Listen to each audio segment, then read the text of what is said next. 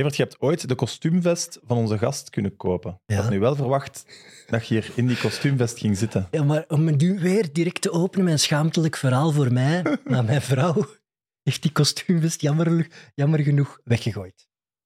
Dus ik heb daar grof geld voor betaald om het goede doel te steunen. Ik was er ook heel trots op. Hij had daar Sports Late Night of een ander programma in gepresenteerd. Dus dat was echt, ik had dat ingekaderd en al. Mijn vrouw gooit dat weg. Toch not done. Not. Dus ik ga nog eens moeten bieden op een vest van Geert de Vleger. Ja. Eh, ik heb een droom gehad. Oei, oei. Vannacht, Een, ja. een viezendroom? Nee, het is geen visendroom. Jammer. dat zou goed zijn, zo nu ook meteen dat. Nee, we hadden een eigen voetbalploeg. Ik was de voorzitter en jij werd een trainer. Oh, En nu dacht ik, ik, ik wil ook die droom. kunnen we dat niet gewoon doen? Wat, Dat is eerste zo klasse? onmogelijk. Eh, eh, eerste klasse, ik denk dat zo te waar om te kopen is, maar... agent. Nee, maar mijn eigen... Mijn, als, ik, als, ik- oh ja, als ik ooit zelf coach zou kunnen zijn van een ploeg, daar zou ik wel blind voor tekenen. Ik denk ook dat dat wel echt bangelijk... Voilà, maar we moeten, het moet meteen op het hoogste niveau zijn. Hè. We kunnen Ja. ook op laag niveau beginnen. Hè. Ah, ik, moet, ik ben Wouter Franken, hè. dat is van vierde provinciale tot in eerste klasse. Hè. Ja, mensen moeten misschien maar reageren als ze een idee hebben van een ploeg die stopt of een stamnummer dat over te nemen is. Hebben we geld? Nog niet, maar... Geef dan het goede doel, jongens. Dat geld dat toch in een voetbalclub niet steken. Je hebt toen een blazer gekocht van Kom op tegen kanker. Laat ons terug de blazer in, in de aanbieding gooien en dat de mensen daar geld vergeven. Toch niet aan een voetbalclub. Ik, ik, ik denk dat ik geld kan maken van een club. Dat denk ik niet. ik denk wel, denk wel dat we een toffe spelersgroep bij elkaar Dat krijgen. denk ik ook. Dus we moeten het onderzoeken, vind ik. Goed, mit mit. Altijd met een gast. En onze gast van deze week is ereburger in Lebbeke, maakt televisie voor Play Sports en is Peter van Kom op tegen kanker. Welkom, Geert de Vlieger. Ja,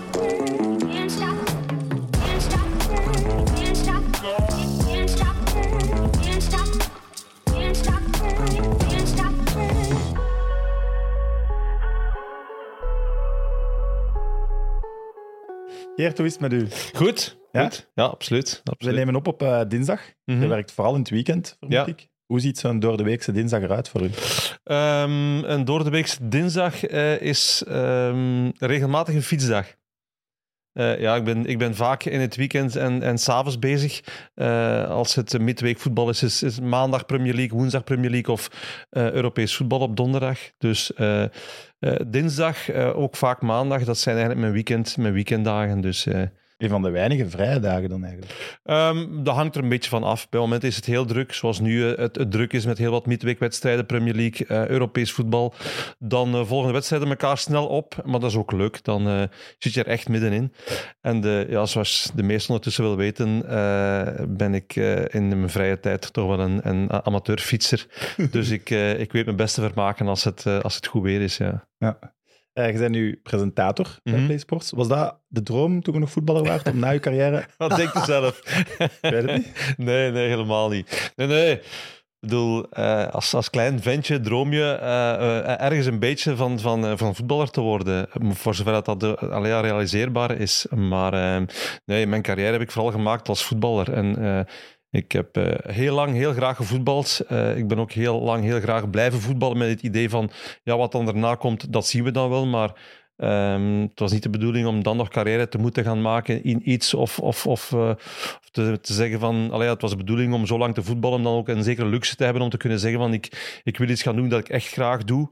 Ehm, en mijn 22 jaar lange voetbalcarrière is gestopt in 2011, eh, ondertussen ook al 12 jaar geleden.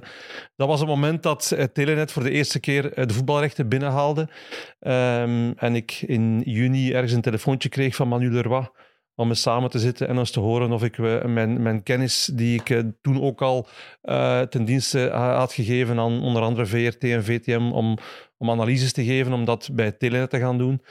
En zo ben ik daar ingerold en, en eh, is dat in de loop der jaren geëvolueerd naar wat ik, waar, wat ik vandaag doe. Werd je tijdens uw spelerscarrière dan ook de speler die vaak moest gaan uitleggen bij interviews? Vaak, je ziet dat wel vaak dat dat dezelfde zijn die Altijd terugkomen. dezelfde. Ja, ja, en heel vaak als je verloren had dan. Hè, want dan, eh, als, je, als je wint, dan gaan ze die, die spits eh, interviewen. En, en, eh, of die middenvelder die gescoord heeft. Maar als je verliest, dan is het ja, heel vaak... Ja, ik was dan op dat moment de aanvoerder. eh, of, of ja, Dat, dat hoort er wel bij. Hè. Hendri- Hendrik van Krombrugge bijvoorbeeld had, Ja. had heel hard nu die stempel toen het minder ging Ja. Elke keer als ze verloren, zag je zijn hoofd. Ik denk ook dat dat soms niet meer leuk Nee, is. maar en ik hou daar nu zelf ook rekening mee. Als ik, als ik eh, eh, een presentator ben in een wedstrijd en, en het gebeurt dan bijvoorbeeld, en ik herinner me een, een moment eh, met Anderlecht en, en Van Krombrug dat ze gewonnen hadden, dat ik zei van ja, je kan dan vaak na de wedstrijd de spelers kiezen. Dat ik zei van ja, maar ik wil de keeper er ook bij. Dat ik dacht van, dat herinner ik mezelf ook nog wel, dat je daar weer Ja. ergens op beerschot staat nadat je in de kwartfinale van de beker verloren hebt. Een wedstrijd die je nooit mocht verliezen en dan ja, mag je als keeper weer gaan zeggen van waar het misgelopen is. Dus.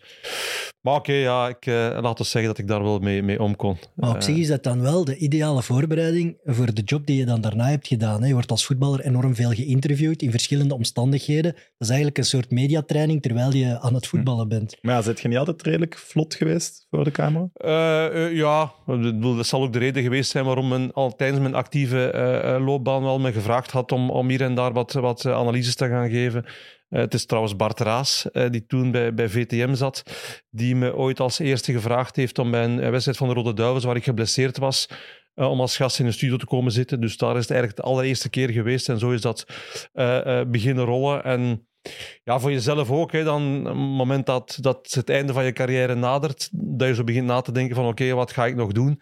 Ehm, en dan ben je wel bezig met je trainerdiploma's. En heb ik ook mijn UEFA-diploma in de kast Ah, ja, liggen. oké.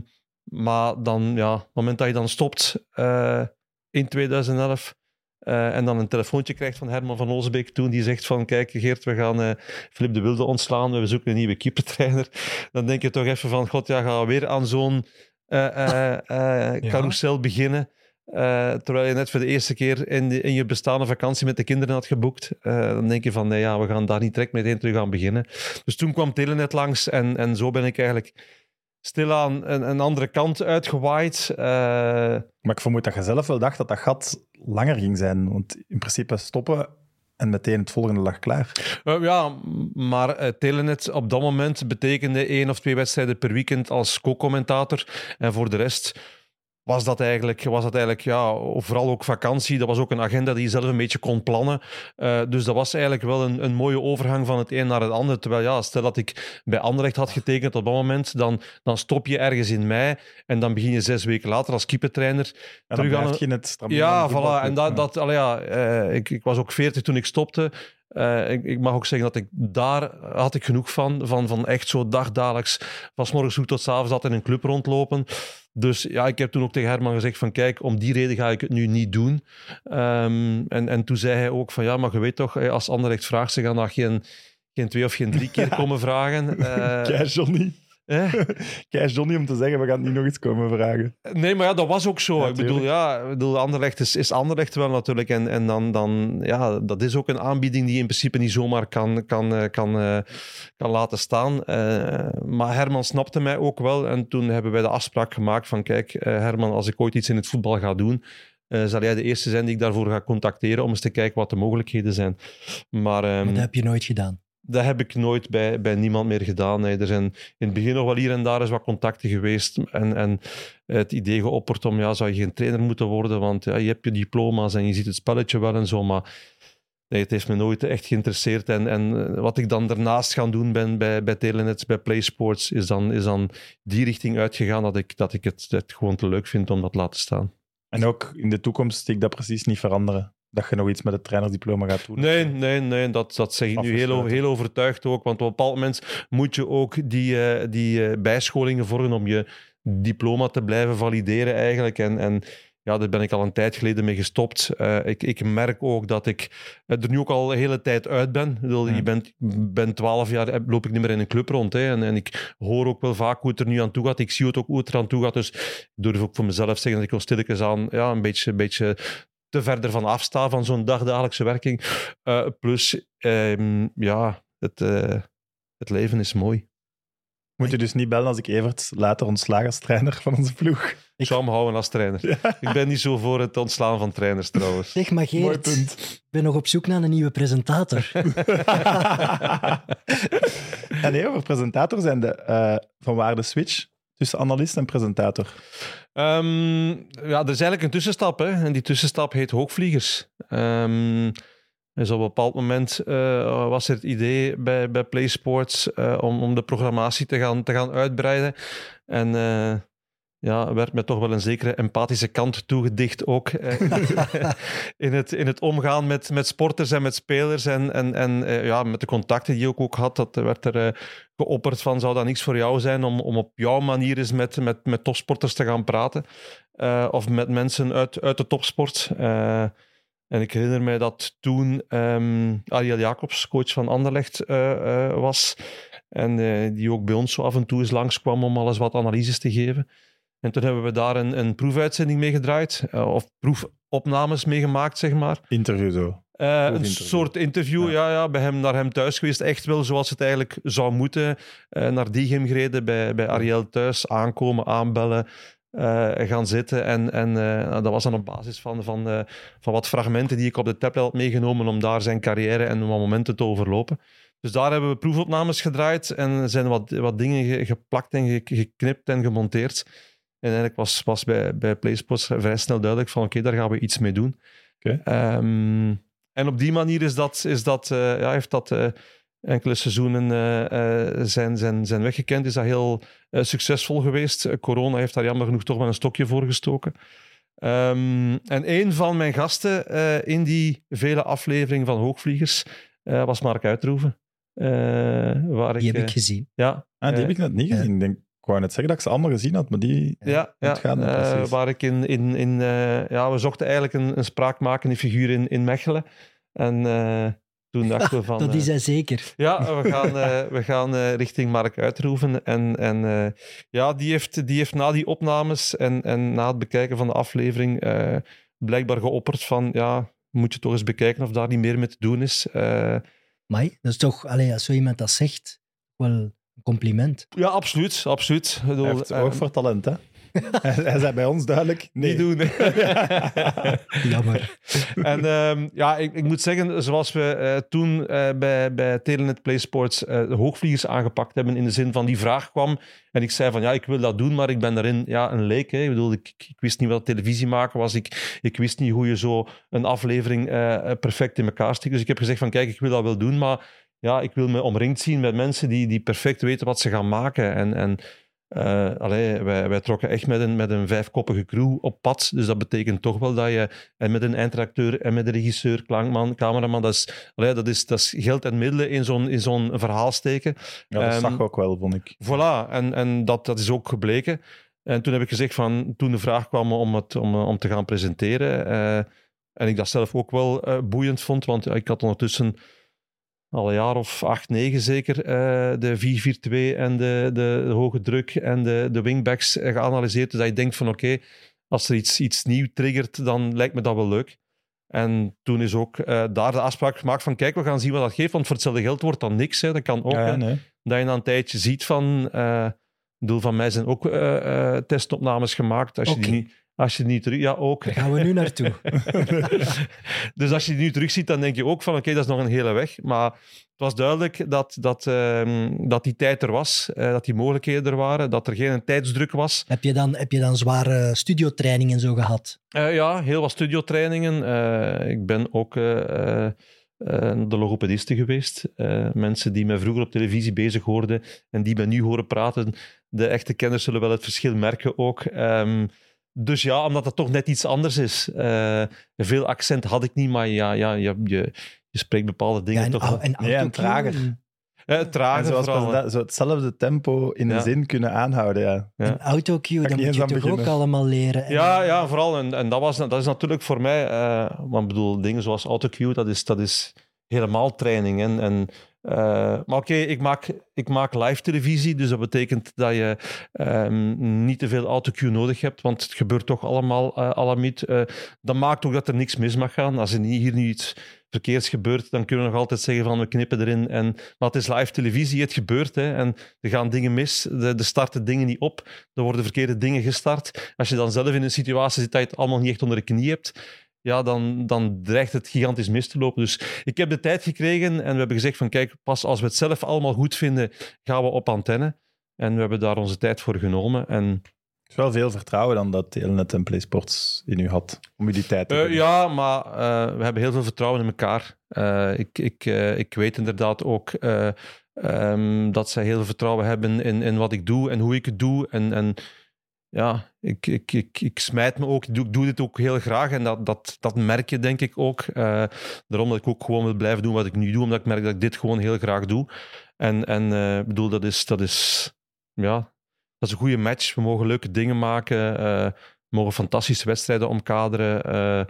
Eh, we hebben de, de middelen om de dingen goed te doen. We zitten in een fantastische studio. Eh, wat een absolute luxe is om, om in te werken. De werkomstandigheden zijn ideaal. Dus eh, nee, hier zit ehm, op dat vlak ook een gelukkige presentator. Ja. Maar vond je, dat, vond je dat geen enorm risico? Toen dat je dus zei van oké, die stap van analist naar presentator, want ja, die als je is tijd krijgt. totaal verschillend wel. Dat is een risico. Ja, we- Stel je voor dat je daar dan niet meer goed in bent en je kan niet meer terug naar je analistenrol, omdat je Nee, is maar we hebben, we hebben ook gezegd van kijk, we gaan het alleen doen als het goed is. En zolang we het niet gedaan hadden, was eigenlijk ook niemand op de hoogte. Ik bedoel, bij ons Ja, in, voilà. in, eh, op de redactie zagen ze op vrijdagmiddag wel dat ik weer in de studio zat.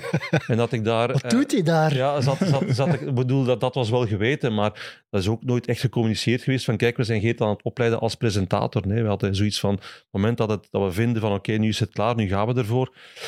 En, en had ik na drie maanden gezegd van jongens, dit bevalt me toch niet echt, of ik, ik voel hier niet echt iets, iets voor, dan hadden we ook gewoon het stilgelegd en, en eh, was ik gewoon analist en co-commentator gebleven. Dat was ook, ook geen enkel probleem, want er is ook eh, voldoende eh, genoeg in te doen. Absoluut. Dit- veel vraag naar. Ja, ja, veel vraag naar goeien. Hè. Ja. Maar en is analist zijn niet gemakkelijker? Ja, het is zeker makkelijker. Ja, ja, we moeten het niet doen om... om Toch? ja, presentator moet je niet worden voor het gemak. Nee, nee dat Nee. klopt. Ik bedoel, het is... Het is Nu wordt eh, het van een ander, hè? Ja, maar dat is hier een ander rondje. Dat lijkt hier afgesproken. Nee, nee. Maar ja, ik snap wel. Maar ik ben- ja. Als analist, en zeker iemand met veel ervaring in het voetbal, ja, gaat je zitten en zegt je wat je Je gezien weet hebt waar je je over is. praat als analist. Als host moet je het toch allemaal in een... Ja, van Ja, je hebt- je laten hebt- lopen. Je hebt een draaiboek te volgen. In ons geval, Mhm. eh, ik zeg het, het is live televisie. Er gebeuren heel veel dingen. Eh, zit iemand in je oor eh, te roepen dat daar nog gescoord is en daar nog een goal gevallen is en dat dat beeld niet start. Dus ja, je moet, je moet inderdaad eh, eh, je wel aanpassen. Maar ik moet zeggen, dat heeft, dat heeft mij opnieuw getriggerd. Want op een bepaald moment dreig je wel als, als analist zo'n beetje in een, in een, in een te comfortabele situatie terecht te komen. hè. Je ziet heel veel matchen, je weet eigenlijk heel veel. Je valt altijd op je pootjes terecht. Automatische piloot of zo. Ja, eigenlijk wel. Omdat, bedoel, ja, je kan bijna eh, eh, onvoorbereid gaan zitten. Alleen onvoorbereid is dat niet, omdat je, je ziet Ja, zoveel Je wedstrijden. weet dat, ja. Ja, je weet dat Ja. gewoon. Hè? En, dan, en dan, dan, dan kan het bij wijze van spreken dat gebeurt dat je van s'avonds een match hebt, dat je denkt van oké, ik heb de match van het weekend gezien, ik heb zoveel gezien de voorbije weken, dat je eigenlijk... Je kent die ploeg, je kent die Ja, spelers. je, je weet dat er iemand geblesseerd uitgevallen is, dat er iemand geschorst is. Ja, op een duur ben je, ben je, zit je er zo middenin dat dat eigenlijk ja, een, een, een, dat daar eigenlijk redelijk makkelijk wordt, is misschien veel gezegd, maar dat je daar toch heel comfortabel in zit. En dit was, of dit is terug ja, eh, eh, een trigger, want, want je moet op heel wat andere dingen letten. Je, je merkt ook als presentator van als ik niks zeg, dan valt het stil. Ik bedoel, Hm. Als je als analist in een stoel zit en je geeft je mening, dan geef je je mening, je legt het neer en dan is het dan de presentator. Ja, dan moet je het weer oplossen. Ja, die moet het weer oplossen. En als, En wij als nu alle twee, als wij nu antwoordt, alle twee niks ja. zeggen, dan, dan, dan, dan denk je van, ik moet een vraag gaan stellen. En ik, ik, Maar wij knippen, hè. ja, voilà, maar dat is ook zo. Dat is ook zo. Maar de- ben je nu dan als presentator soms af en toe kwaad op je analist? Dat je zo zegt, hey, kom op, eh, je hebt twee antwoorden echt te weinig gegeven of je hebt niks gezegd? Eh, nee, maar eh, eh, het, het is ook de bedoeling dat ik, dat ik zelf ehm, nog wel mijn kennis blijf meegeven in een gesprek ook. Dus ik kan ook vanuit mijn eigen ervaring als analist eh, presenteren. En dat maakt het wel leuk. Ik bedoel, ehm, vaak presentatoren wordt, eh, is de bedoeling dat ze een vraag stellen aan de analist en dat ze dan die analist iets zegt en oké, dat is dan zo.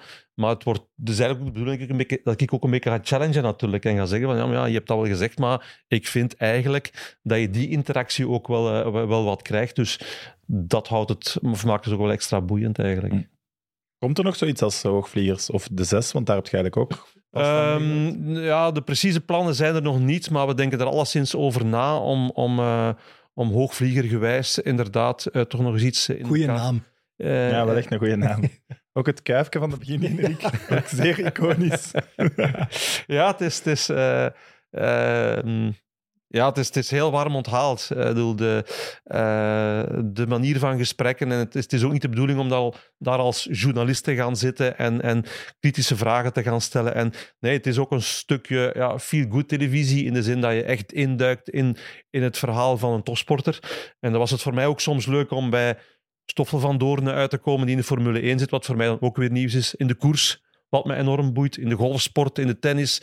Ik heb in Monaco met, met, eh, met Goffin gezeten, dat je die dingen allemaal leert kennen ook. En dat je ja, vanuit jouw ervaring als, als voetballer dan met die gasten aan, aan de babbel gaat. En dat, je, dat zij ook voelen dat er toch wel heel wat interactie is. Dus, dus eh, nee, dat, eh, dat was Hm. leuk om te doen. Ik denk trouwens dat de Hoogvliegers afleveringen te bekijken zijn op het YouTube-kanaal van PlaySport. Ja, klopt. klopt. Ik heb heel toevallig met gisteren research te doen, die mij eh, van de stok nog eens gezien. Oké. Voilà. En In Cyprus. veel uitgeleerd eh, zo in... eh, Wij denken altijd van het is crisis bij Anderlecht en vroeger niet, maar als je dan zo terugkijkt, dan denk je van vroeger, het is altijd wat crisis ergens. dat, dat, is, dat is zeker waar, denk ik. Zeker bij topclubs crisis, als het was Anderlecht. toen. Ik denk dat dat een jaar of eh, zeven, acht geleden is. Zoiets. Hè? En het was crisis toen ik er speelde, dus Anderlecht is het altijd crisis. Lag dat dan aan u? Of? Eh, nee, niet alleen aan mij. Nee. Eh, je bent ook iemand die regelmatig tweet. Ik zag Mhm. dit weekend een tweet over de fase met Buchanan. Ja. Je bent geen fan van de VAR. Dat leid ik daaruit. Jawel, ik ben absoluut fan van de VAR. Ik ben fan van een goede VAR. Ehm, maar oké, ja. Ehm, Dat was een rare fase wel, hè? Allee, toch raar dat de VAR niet ingrijpt. Heel raar dat hij hem gewoon niet laat komen kijken. Dat is het makkelijkste. Dat doe je nog niks mis mee. Laat hem gewoon komen kijken. Nee, ja, klopt. nee, maar ja, maar komen kijken, zo werkt de VAR niet. Nee, dat weet ik. Ja, dat weet Nee, ik. dat is, dat is vaak zo'n uitleg die gegeven wordt van hij moet komen kijken. Nee, de VAR, de VAR moet kijken naar alles wat hij ziet. En, en hij moet zeggen van kijk, daar is een, eh, een clear and obvious error gebeurd door de scheidsrechter. Je hebt een duidelijk verkeerde beslissing genomen. En bedoel, zo simpel is het. Maar ik- En eigenlijk, en eigenlijk, want we zitten nu heel vaak over de VAR te praten, maar ik heb die fase nog eens terugbekeken op het veld. Die scheidsrechter moet ook maar naar één ding kijken Die staat op er dat vlak moment. achter. Die staat er vlak bij, ja, achter. het. Die moet maar naar één ding Ja. kijken en dat is dat duel, want voor de rest gebeurt er niks. Mhm. Die staat ook in de Het is 16 aan de meter. bal. Hè? Het is bij de bal. Het is dus bij de bal, dus het niet, niet dat... Dus, dus, Maar dat gaat hij ook gezegd hebben en daarom dat hij die niet laat komen. Die, ik stond er vlakbij. Ik denk dat ik het heel goed gezien heb. Dus ja, dan wordt het dan nog moeilijker voor de VAR om in te grijpen. Maar Ja, moet de eindbeslissing niet gewoon bij de VAR zitten? Die heeft alle tools. Maar Die dan moet, heeft dan het moet meeste het een, inzicht. dan Waarom... moet het een hele goede nee, maar het, het Ja, maar ja, zet de beste refs in het VAR-busje. Ja, maar het van- probleem bij ons vooral is dat er eh, ten eerste te veel verkeerde beslissingen genomen worden op het veld, of geen beslissingen genomen worden. En dat, is, dat heeft met het niveau van scheidsrechters te maken. En dan ten tweede dat dat kan rechtgetrokken worden door de kwaliteit in het VAR-busje. En dat dat ook niet gebeurt. En, en dat maakt het bij ons vaak zo, zo schrijnend. En oké, het gebeurt ook al eens in de Premier League en het gebeurt ook al eens op Europees niveau, absoluut. Ik bedoel dat, en dat zal, dat zal des mensens blijven. En, en Foutloos gaat het nooit. Nee, dat gaat het nooit zijn. Maar allee, je hebt te veel eh, flagrante fases. En, en ehm, ik, ik, eh, ik, eh, ik lees nog Dieriks die, die deze week zegt van ja, we hebben al zoveel goede beslissingen genomen, er zijn maar 15 slechte. Maar bedoel, dat is zoals een keeper. Hè. Keeper wordt ook beoordeeld op de dingen die hij verkeerd doet. Bij een VAR is dat net hetzelfde. Je wordt niet beoordeeld op de, op de fases die je, die, je, die je goed beslist, want dat is jouw werk, dat moet je doen. Een keeper die ballen pakt, dat is zijn werk, daar word je niet op beoordeeld. Je wordt eigenlijk pas, pas beoordeeld op de dingen die fout gaan. En dat is in het geval van de VAR. Bedoel, dat zijn echte blunders. Als keeper kom je niet weg met 15 blunders op een seizoen. Dan word Ja, je dat al lang, Ja, dan kopen ze een andere. hè, ja, Ja. dan word je al lang Ja. aan de kant geschoven. Maar oké, ze kunnen ze niet aan de kant schuiven, want ze hebben er geen. Hè. Nee. Dus- Maar zou jij als ex-voetballer eh, bijvoorbeeld in de VAR willen gaan zitten? Dat wordt soms geopperd. Hè? Zet er ex-voetballers neer. Ehm, ik, ik denk niet dat daar ex-voetballers op staan, op staan te wachten. Eh, wat, wat me wel vaak eh, frappeert, ehm, is dat er ehm, heel weinig ehm, feedback gevraagd of, of, of bekeken wordt van ex-voetballers, heb ik het gevoel. Dat men fases zo naar de reglementen probeert te beoordelen en te bekijken en, en te zeggen van oké, ja, maar was die elleboog wel hard genoeg? Was die op, op zijn kin? Steunarm hebben we Ja, de laatste steunarm. paar Ik bedoel, gezien. Ga er gewoon naar kijken naar zo'n fase en ga daar gewoon met gezond voetbalverstand. Voetbalverstand. Eh, ehm, en dan, dan past dat, dat past perfect in elke regel. Gezond voetbalverstand, dat past perfect in elke regel. En daar krijg je ook eh, de algemeen, het algemene akkoord over. Hè? Want nu proberen we vaak, of probeert men vaak met, met grove overtredingen bijvoorbeeld, eh, te zeggen van ja, maar er moet dan al die criteria voldaan worden. Hè? En dan, dan vinden ze wel ergens één criterium waarbij je zegt van ja, maar ja, die, die, die voet was niet helemaal van de grond, het was niet boven de enkel, het was Niet op boven, de enkel. erop, ja, eronder, hè, dat. niet. Ja. Eh, de intentie was hoog, maar niet extreem. Voilà, voilà. Ja. Terwijl als wij allemaal naar die fase gaan kijken, dan zegt van ja, maar ik, eh, intentie of, of, of intensiteit, dit is gewoon rood. En, en geef gewoon rood en daar kom je, uiteindelijk kom je daar veel verder. En dat gevoel heb ik wel vaak. Dat ik denk van ja, maar ja jongens, jullie proberen het nu wel uit te leggen, maar ja, het is Nee. alsof ze onder een, onder een stomp, stolp zitten vaak, zo'n glazen stolp. Dat Ja. je denkt van trek die er eens af, ga nu eens kijken. Ehm, Want Allee. door alle regeltjes krijg je wel dat Stenks tegen Anderlecht zwaar gestraft wordt voor iets wat minder erg is- dan wat Buchanan tegen Gent deed. eh, Doordat het soms eronder valt en, en, soms en niet. en oké, ja. je, je, Als je zal- die fases gewoon bekijkt, Ja, ja, maar Ja. dat dat van is veel minder erg. was ook rood, hè? Ja, ja, maar ja, het verschil is wel dat één nu niet rood is geweest, de Ja. andere wel. Ja, en, Dus- en, en dat krijg je natuurlijk ook wel. Hè, dat je op een bepaald moment probeert dingen naast elkaar te leggen. En, en dat heb je ook in ons, in de rol waar wij in zitten als presentator-analyst. Dat je op een bepaald moment zegt van oké, ze proberen een bepaalde lijn eh, iets duidelijk te maken. We gaan die proberen volgen. En dan weten wij ook waar we, hoe we het moeten beoordelen. Maar je ziet daar dan heel vaak, omdat er verkeerde beslissingen genomen zijn, toch weer een, een andere interpretatie om een verkeerde eh, eh, eh, beslissing goed te, goed te praten. Dat je denkt van ja, weet je, zo, zo komen we er, er niet mee. Van Hm. ja, het referee department vindt het ook rood, maar we snappen dat de VAR niet tussen gekomen is. De Ja, objectieve criteria waren niet voldaan. ja, Zoiets, dat wordt ja of, hij was technisch niet bij, bij, bij, bij Ja. machten om tussen te komen. Zo van die verhalen dat ik denk van, ja jongens, sorry, maar... En, en Maar ze weten het intern wel, denk ik. Het zijn geen dommerikken. Hè? Die, men, die weten dat ook van, ja, shit, dit was weer Maar ja, fout. het is ook een hondenstiel, hè. Je moet iedere keer de, wacht, zoals gezegd, negatieve de, de fouten gaan toelichten. ja, hè. ja, ja. Het is niet dat we, dat we ooit bij Frank, hier, Frank, hier is een beeldje van een niet VAR die juist heeft Nee. ingegrepen en iedereen is er lovend over, dat je dan gaat zeggen... nee, maar Sam, ik moest vroeger als keeper ook niet gaan uitleggen als ik een bal gepakt had. ja, maar Ja. af, en toe, als je zo'n wereldmatch kipt, dan was Ja, toch ja, van... oh, een wereldmatch wel, maar als ik gewoon de ballen pakte, dat, dan zeggen ze van ja, maar dat is uw werk. En ik mocht het, we hebben- zijn erover begonnen, je mocht het gaan uitleggen na een match als het niet goed geweest was. Of als ze zei van ja, de vlieger die een bal had die hij niet kunnen pakken. Ja, dan mocht het, dan mocht het gaan uitleggen. Was het vroeger beter? Dat nee, maar pas op. af, als ik, die, als ik uw tweet zag van... Zijn we dat, kijken we dat naar de, naar de scheidsrechters van vroeger als zijnde Nee, nee, beter nee. dan die van Nee, nu? nee, nee, nee. Of- Nee, maar ik ben, ik ben absoluut de voorstander van de VAR. Hè. Ik bedoel, ik, ik, ik ben daar kritisch om, omdat eh, je, kan alleen maar, je kan alleen maar eh, kritisch zijn en blijven voor iets dat je denkt dat echt een meerwaarde kan betekenen. Kijk, moest ik niet in de VAR geloven, ik zou het, los, ik zou het, ik zou het laten vallen. Ik zou denken van, gasten, weet je wat, steek er geen tijd en energie in, want, want het, het, het, het is niks. Maar het is echt wel iets. Ik bedoel, ja, wij hebben vroeger dingen gedaan op een voetbalveld, eh, dingen zien gebeuren op een voetbalveld veld waar we van wisten van oké, niemand ziet het, je kan het zomaar doen. Eh, ik denk aan, aan de goal van, van Arsenal dit weekend, die afgekeurd werd, waar White echt de hand van de doelman vast heeft. Ik bedoel, blij dat, Dat was vroeger... ja, blij dat we de VAR hebben om zo'n terechte eh, of onterechte doelpunten af te keuren. En heel veel tools zijn er, alleen ja, het, het gebruik ervan. En, en, maar ik denk dat we op dat vlak, eh, eh, vooral qua reglementering, de voorbije jaren eh zo'n verkeerde kant uitgegaan zijn. En dan is die handsbal nog maar een, een, een ander voorbeeld daarvan. Als je ziet hoe daar moet geïnterpreteerd worden, want het blijft altijd interpretatie, ben ik van overtuigd. Maar de vroegere interpretaties van is het, is het met opzet of niet, ik bedoel, dat is nog altijd eigenlijk, denk ik, de makkelijkste. Want nu moet je ook allerlei dingen van, is het, is het steunarm breed of bewust breed of niet bewust breed? Ik bedoel, je moet 87 dingen gaan interpreteren nu als een hensbal betreft. En ja, dan krijg je verschil. Terwijl wij voelen allemaal, mensen die gevoetbald hebben, wij voelen allemaal wanneer het hens is of niet. Wij voelen dat gewoon. Waar? Ga daarop beslissen. En dan ga je ook veel meer unanimiteit krijgen in het... In het en oké, we gaan discussie blijven hebben, hè, daar niet van. Maar dan ga je vooral heel veel meer logische beslissingen hebben, denk ik. Ik denk wel dat het gemakkelijker was om ref te zijn in de tijd dat jij voetballer waart dan nu. Ja, dan waren de baas. Sowieso. Ja, dat En ook nu al. En heb ook, je altijd die corrigerende factor die daar ergens boven u hangt. ja, maar de dat was ook één, Ja, omdat dat er, ook, hè? omdat er, ook omdat er sowieso minder camera's waren, Voilà. natuurlijk. Het Ja. eerste één wat- match, maar die echt live, live met zoveel ja. camera's Het per, eerste per dag wat spelers werd. nu doen als ze naar de scheidsrechter lopen, is hey, luisteren, luisteren of Ja. var, var, var. Ja. Constant heel de match. En- En, social media. En, en, Zelfs en, de fans kunnen erover tweeten ja, in de video. en, en wat, wat, eh, wat dan nu het, het codewoord is van het, het managen van een wedstrijd, Want dat is wat, wat scheidsrechters moeten doen. Hè. Ze moeten de wedstrijd managen. En dan moet je eens naar, naar lagere reeksen gaan, krijgen, gaan kijken wat je dan allemaal op het veld ziet van scheidsrechters. Dat zijn er allemaal die met een, met een kippenborst rondlopen, alsof ik ben hier de baas op het veld. Die heel ostentatief overal naartoe lopen, zwaaien met kaarten en uitleg lopen doen.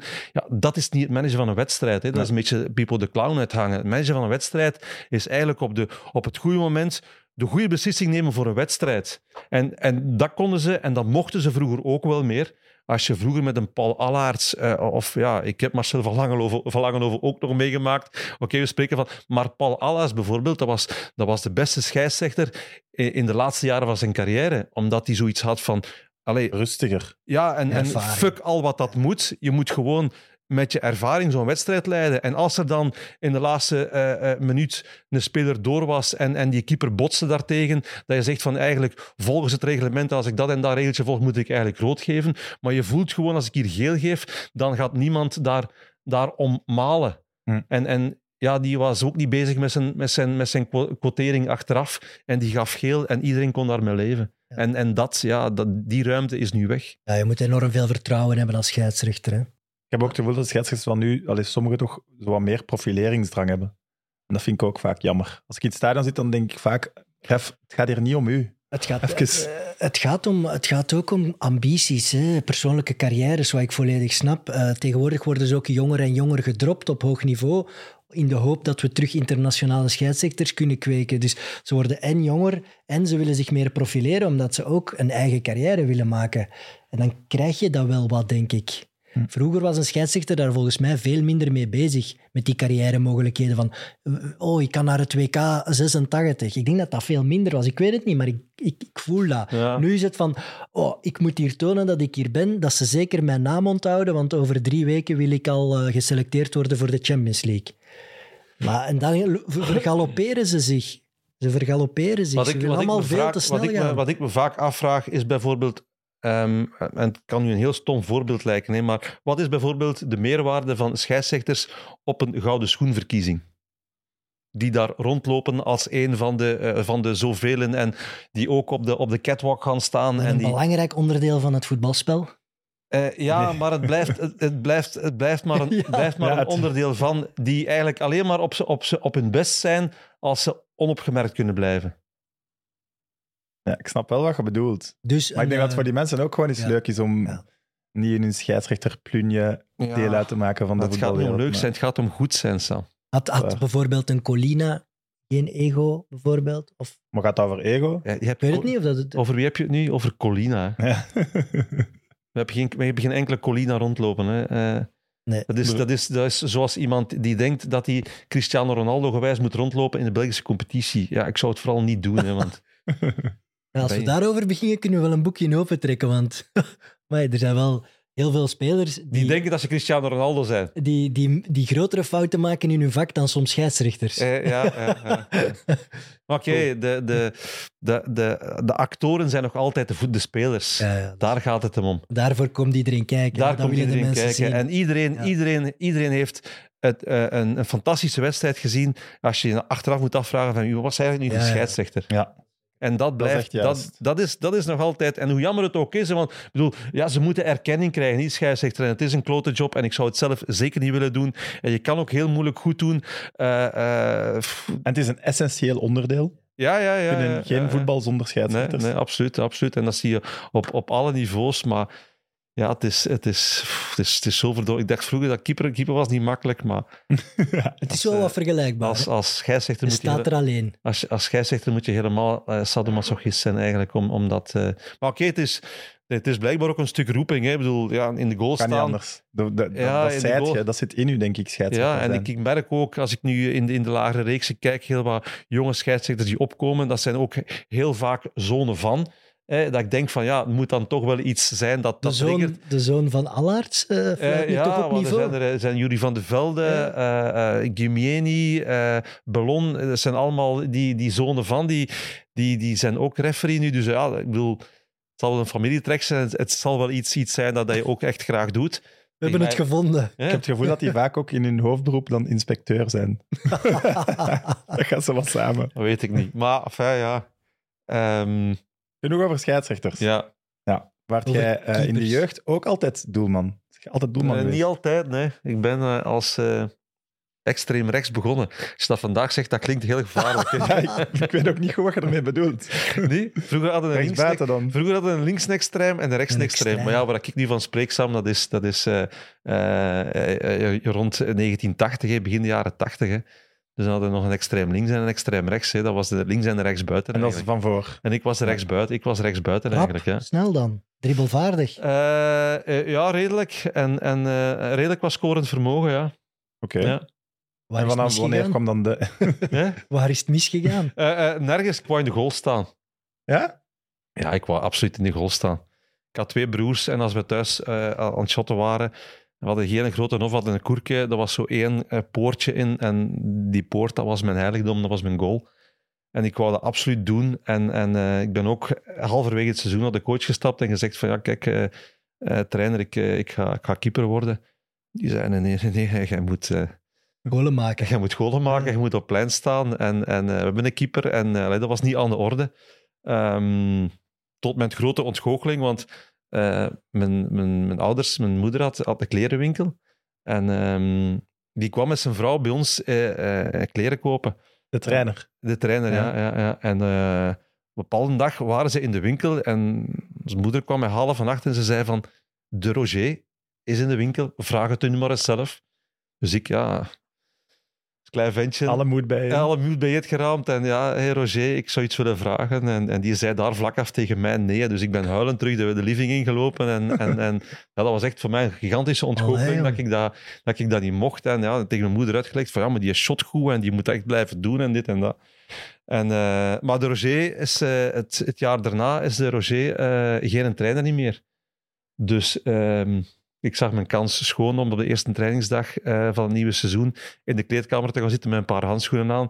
En die nieuwe trainer die kwam binnen en die vroeg aan iedereen van waar speelde jij, waar speelde jij, waar speelde jij? En ik was, eh, vanaf toen was ik keeper. En En werd hij meteen eerste doelman ook. sowieso is Sam. Die andere keeper zo... Nee, nee, nee, we hadden, we hadden, we hadden ploegskus genoeg. En Ja. en, eh, en ja, ik bedoel, ik, ik, eh, ik, ik deed dat gewoon graag. En, en Ja, cool. Je hoort vaak iemand die eens in de doel, doel gaat staan en dat dan goed kan. Maar bij u was het dan meer echt een roeping. Eh, ja, en dat is, ook, dat is ook achteraf gebleken, want allee, eh, keeper worden is ook niet de makkelijkste weg om... om, om bedoel, het lijkt me inderdaad wel als spits of zo, dat dat iets, iets, iets, eh, iets minder eh, mentaal belastend is dan als keeper in, in, aan een carrière beginnen. Er is ook maar één keeper per ploeg. hè. Eh, ook, ja, ja. En zoals al gezegd, van, een fout wordt afgestraft en bla bla bla. bla, Wordt ook niet gewisseld. Eh, niet dat nee, je 16-jarige nee. keeper even... Dus er zijn wel, er zijn wel flink wat momenten in zo'n, in zo'n carrière van een keeper eh, waarbij je echt voor jezelf moet uitmaken dat je dat super graag doet of je blijft dat niet doen. En dat is ook denk ik de reden waarom er heel veel op een bepaald moment niet meer in die goal willen staan. Want ja, eh, ik bedoel, ik heb het eens meegemaakt. Hè. Ik speelde s'morgens met de premie een matchje, we verloren 13-0. 13-0. Dat je denkt van, het zal niet allemaal mijn schuld geweest zijn, maar dat is toch wel veel. Maar toch niet geen enkele ook niet. hè. Ja, voilà. En dan Toch een je- beetje zeep aan de handschoenen. Ja, en dan gaat het zo om, om je toch mentaal een klein beetje op te krikken. Namiddags kijken naar de kameraadjes die bij de meniemke spelen. En dan komen we naartoe voor de match en zeggen van ja, we hebben geen keeper, wilde jij nog eens in de goal staan? Ja. En dan verliezen nog eens met 13-0. Zodat je dan s'avonds thuis komt en de vraag, wat heb je gedaan vandaag? Ja, ik heb twee matchen gespeeld, ik heb er 26 binnen gehad. Allee ja, je moet het wel echt graag doen, want anders blijf je het niet doen. Wat een zwakke ploeg was dat. Ja, ja, dat was echt eh, dat was eh, een minder momentje. Maar enfin, nee, ja, ik, ik, ik deed dat super graag. Ik, ik weet nog dat wij, dat wij soms op woensdagnamiddag, want ja, dat was alleen woensdagnamiddagtraining, naar die training reden en dan kwamen we daartoe en het had gesneeuwd. Dat ze zeiden van ja, we gaan niet trainen vandaag, want hey, de sporthal is dicht en, en eh, het veld is niet te bespelen. Dat wij gewoon aan onze fiets ons, ons, ons voetbalkleren aantrokken, dat we een bal vroegen en dat we ge- gewoon een uur en een half gingen shotten in de sneeuw. En dan op ons, het. op ons fietsje eh, stijf van de kou naar huis om, om in bad te gaan zitten. Weet je, ja, nee, dat is...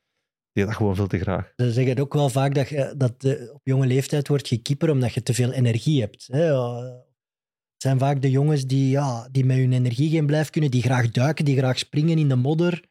Was het, was het dat? Was echt Ja, nee, maar ik, ja, ik, ik heb twee broers dus, dus, eh, en, en al onze kameraden, dat waren allemaal voetballetjes. Dus wij hadden elk vrij moment van, van een dag, van het weekend, van de woensdagmiddag. En waren jij dan de jongste van uw broers? Nee, ik was de midden- ik ben- ik ben de jongste, ga jij maar in de goal staan. nee, nee, nee, ik ben de middenste. Ik ben de middenste. En, en eh, nee, we hadden zo vier, vijf, zes kameraden. En dat was elk vrij moment van het weekend, van de vakantie, van gelijk wat, waren wij aan het shotten. Ik bedoel, dat was, de voetballen, dat was dus... Voor hun was dat ook ideaal dat jij dat wou doen. Want ze wisten dat ze altijd een keeper hadden om ballen naar te Eh, trappen. ja, ja, maar ja. Bij ons was het toch altijd vechten, hè, van wie Ja. gaat er in die goal staan. Ja, om dan gewoon... Allee, doe jij maar, je moogt vliegende keeper zijn. En dan trappen ze van overal keihard. En je, ja. Die dat gewoon graag. En dat was eh, in de nof en, en uitzetten en, en, en toernooien organiseren en, Ja. en muziek en, en de bloembakken die normaal zo voor de vensters stonden, zo zetten richting, richting dat grasveld. Dat ze precies een... een allee, ja, we waren... Een waren opkomst met de hymnen en ja, zo. ja, ja, we waren, wereld, we waren wereldkampioenen als wij, als wij aan het shotten waren. Wij waren echt... Ja. En wij wouden dan ook altijd de nieuwste handschoenen. Nee, ja, ik bedoel, ik had, we hadden de centen daar niet voor. Ik heb, ik heb nog echt met de gebreide handschoenen, met zo, met zo die toppetjes in het rood zo op. eh, dat waren mijn allereerste paar handschoenen dat ik gekocht heb. En dan gaandeweg Dat was uw bescherming. Die toppetjes gewoon. Ja, ja, dat was, dat was ja, zo'n binnenkant van die reepjes Eigenlijk opgeplakt. niks. Zo. Ja, eigenlijk niks, op maar ja, dat was gelijk dichte, dat was gelijk dichte, dus dat was... En dat, dat, dat bleef, dat, dat, dat, dat kon nog niet verslijten, dus dat was, dat was fantastisch materiaal. Evert, hoe zou jij de stijl van Geert als keeper omschrijven?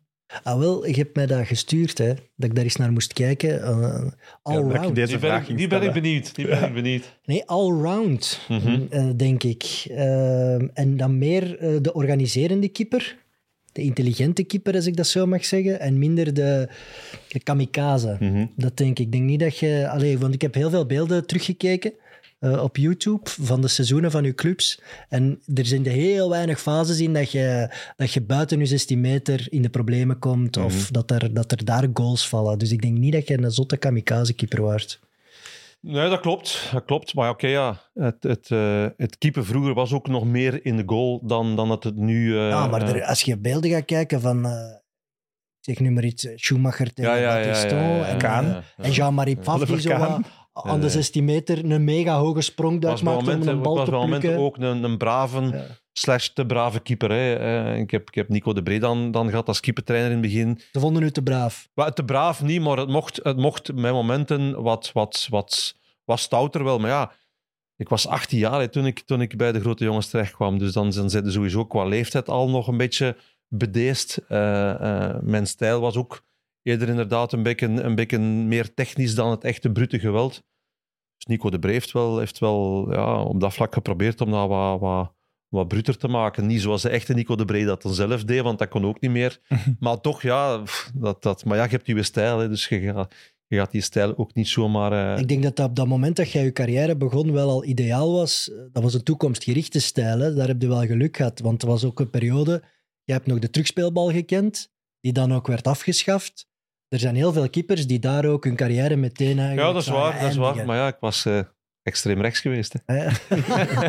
Ik ga het niet blijven gebruiken. Ik was rechts buiten geweest, want dat klinkt niet tegenwoordig echt wel heel fout. Maar ik was, ik was dus ik had gevoetbald, dus ik kon, ik kon wel, ik kon wel, ik kon wel. En ik voetbalde nog veel. Hè. Ik bedoel, het is niet als wij, als ik met mijn broers en mijn kameraden ging shotten, dat ik altijd in die goal stond. Nee, ik voetbalde ook mee. Hè. Maar het is toch ook niet dat je je zou omschrijven als een echt mee voetballende doelman?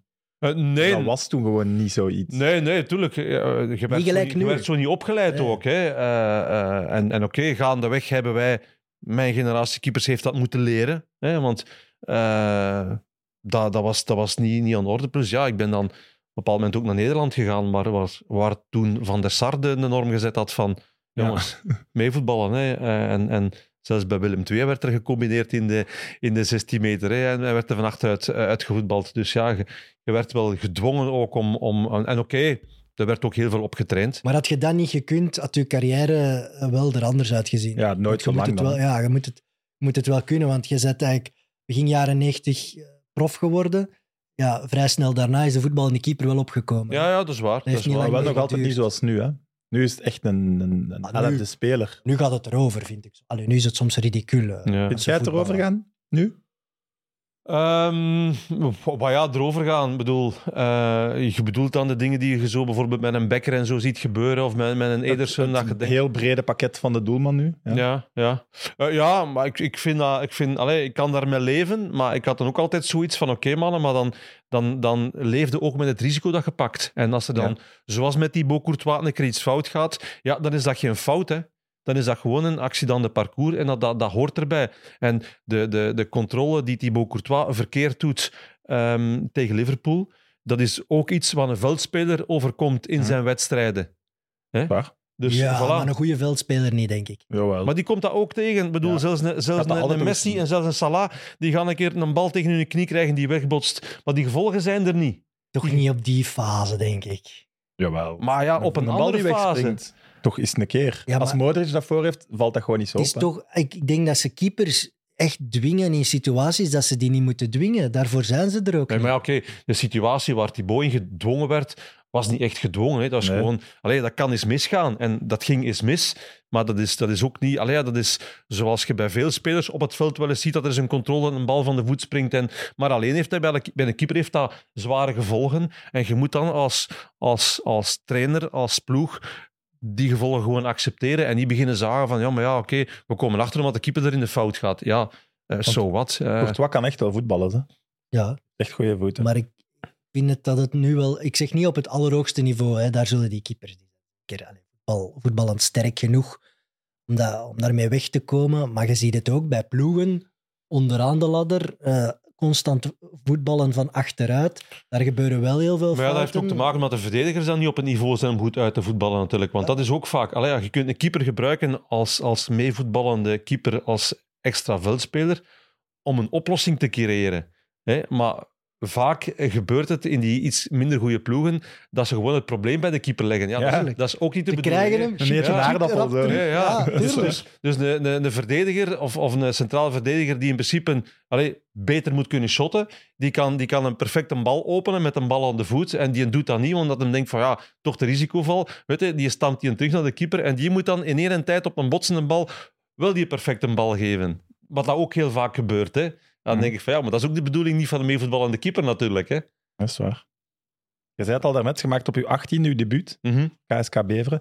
Wat weet je nu nog van die dag? Ehm, trofee Ludo Koek op de Vreetiel, een voorbereidingswedstrijd. Ehm,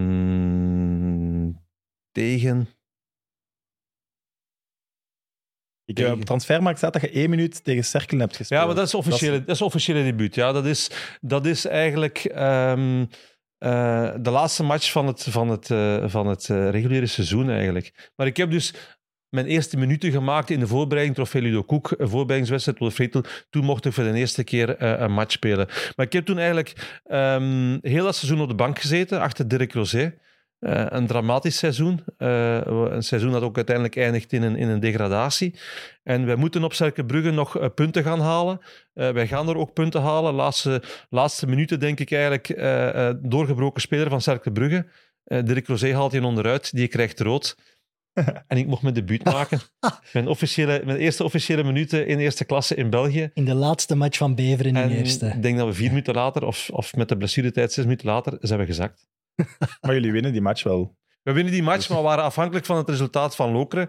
En die hadden ook punten gehaald. Oh, van Lokeren dan nog. Ja, Door dus de- de en derby. moment, een moment dat, dat, dat we van het veld komen, allee, wisten we eigenlijk dat, dat, eh, Hm. dat de eerste klasse voorbij was. Dus, eh, tot... Maar die Rosé had hij dan zelf ook een dramatisch seizoen? Want ik denk dat hij daarna naar Standaard gaat. ja, dat die is, vertrokken, die is vertrokken als tweede keeper naar Dat Standaard. was een goede achter- keeper, hè? Achter Gilbert. Nee, die had een goed seizoen. Maar ja, ik, was, ik ben al 17 jaar aan het seizoen begonnen. Hè. In het moment dat ik, dat ik mijn debuut maakte, was in augustus, was ik nog maar 17 jaar.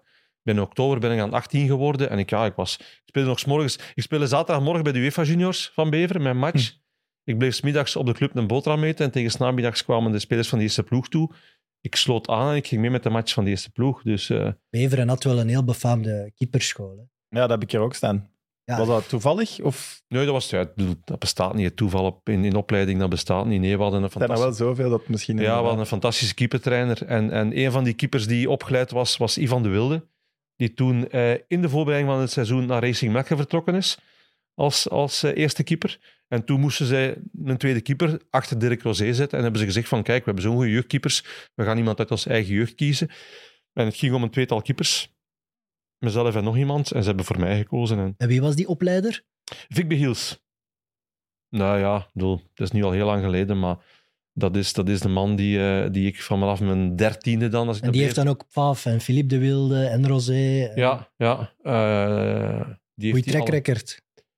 Ja, die, allemaal die, die, eh, eh, ja, en dat is eigenlijk ook een beetje stilgevallen op het moment dat die man overleden is. Hè. Want Vic, Vic eh, werkte, ehm, die combineerde dat allemaal met een, met een dagtaak. Dus training geven aan de keepers van de eerste ploeg. Ook de jeugdkeepers aan s'avonds nog blijven trainen, dan terug die dagtaak. Dus die ging op een bepaald moment ging die in pensioen en die dacht van oké, vanaf nu kan ik mij echt nog meer op die keepers en op die opleiding gaan toeleggen. En die is eigenlijk niet zo lang na zijn pensionering is die, is die overleden. Eh, en je, je, merkt, je, merkt ook, of je merkte ook de jaren daarna, allee, die motor was weg. En, en dat is eigenlijk nooit niet meer. eh, ik denk dat een van de eerste keepers die ze toen gehaald hebben, als ik vertrokken ben, ehm, ja, is, is Peter Maas is in mijn plaats gekomen. Ja. Ik ben naar Anderlecht gegaan, Peter Maas is naar, naar, eh, naar Beveren gekomen. Ik bedoel, een goede keeper, maar dat had Beveren nog nooit gedaan, zo'n keeper gehaald om in de eerste ploeg te zetten. Hè? En dan de keepers die daarna gekomen zijn, is ook niet meer van, van de jeugd. Maar dan is de impact van een, van een doelmannentrainer toch gigantisch. ja, dat Je is ziet ook dat zo. bij Genk ook, hè? Dat is ook zo. de laatste jaren ook. Heel veel die Ehm, er daardoor veel. hoor. En, en ik, allee, ja, ik zal wel talent gehad hebben. Hè. Ik bedoel, ik was 13 Hm. jaar en, en anders komt, komen ze van Beveren niet halen om, om naar Beveren te gaan. Maar allee, ik stond mijlen ver van, van, van, van wat een keeper nodig heeft om, om op een deftig niveau te kunnen gaan spelen. Dus al wat ik uiteindelijk, eh, en dat je dan spreekt van all-round, is dat voor mij, voor, voor bijna 80 procent, eh, is dat aangeleerd. Hè? In, die, in die vijf jaar dat ik in Beveren rondgelopen heb. Hè?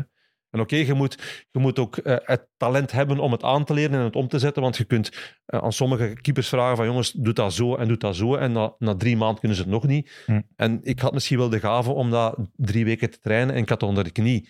Dus dat is wel, een- allee, als je dan spreekt van wat is dan talent, dat is ook, dat is ook Maar ja, zoiets natuurlijk. is een talent. Ja, Ja, maar allee, ja, ik, had, ik, ik, ik had niet het talent om links even goed te duiken als rechts. Nu kunnen ze als ze, als ze zes jaar zijn. Ah, kunnen gaat ze een dat. zwakke hoek. Ja, ja, met een links, dat was met een zwakke hoek. Hè. Eh, Wisten ze dat? Hè, ja, op duur niet meer. Op duur, op duur hadden dat niet meer. Maar eh, als, als, Ja, maar als- dat, heb, dat houd je toch altijd een klein beetje heel je carrière. Ja, in je hoofd, denk ik. Een zwakke hoek. Nee, ja. Ik, je- je- dat, is- dat gaat toch automatisch? Je bent in de ene kant toch veel beter? Dat is dat niet? dans. Nee, ja, nee, op, op, ons, op ons niveau wordt dat zo opgetraind, eh, Evert, dat dat, dat, dat geen zwakke hoek meer is. Nee? Maar je hebt wel een, een, een natuurlijke hoek en je hebt een aangetrainde hoek. Ja, dat wel. Dat wel ja. En Wat- was, ja, sorry. Was het, was het geen ideale... Allee, was Boskamp niet de ideale trainer op het juiste moment? Want Boskamp was wel iemand die durfde te zeggen hey, nou jij daar, eh, 18-jarig gozertje, jij Ja, het. Boskamp was ook de man die, die, eh, die zei van oké, we zakken nu naar tweede klasse. Dirk Rosé had aangegeven van ik wil vertrekken.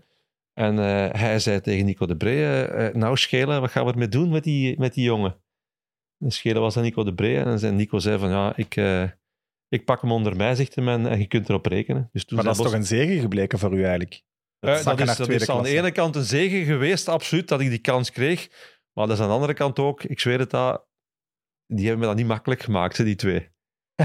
En dan wil je Boskamp en die De Bree. Ja, maar, ja, maar de Brede, de Brede was ook keihard werken. Maar oké, daar, daar kon ik wel, dat had ik ook graag. Toen voelde Ja, ik me ook mijn best. Maar, maar Boskamp legde de lat. Allee, ja, naar buiten toe heeft hij me echt door dik en dun verdedigd. Ik weet nog ooit een match op Diest waren we in tweede klasse dan. hè, want we waren dan de kampioenenploeg. Waar we gingen verliezen. En, en eh, eh, ja, ik denk dat we 5-3 verloren of zoiets. En er waren echt wel twee, drie goals waar ik beter had kunnen doen.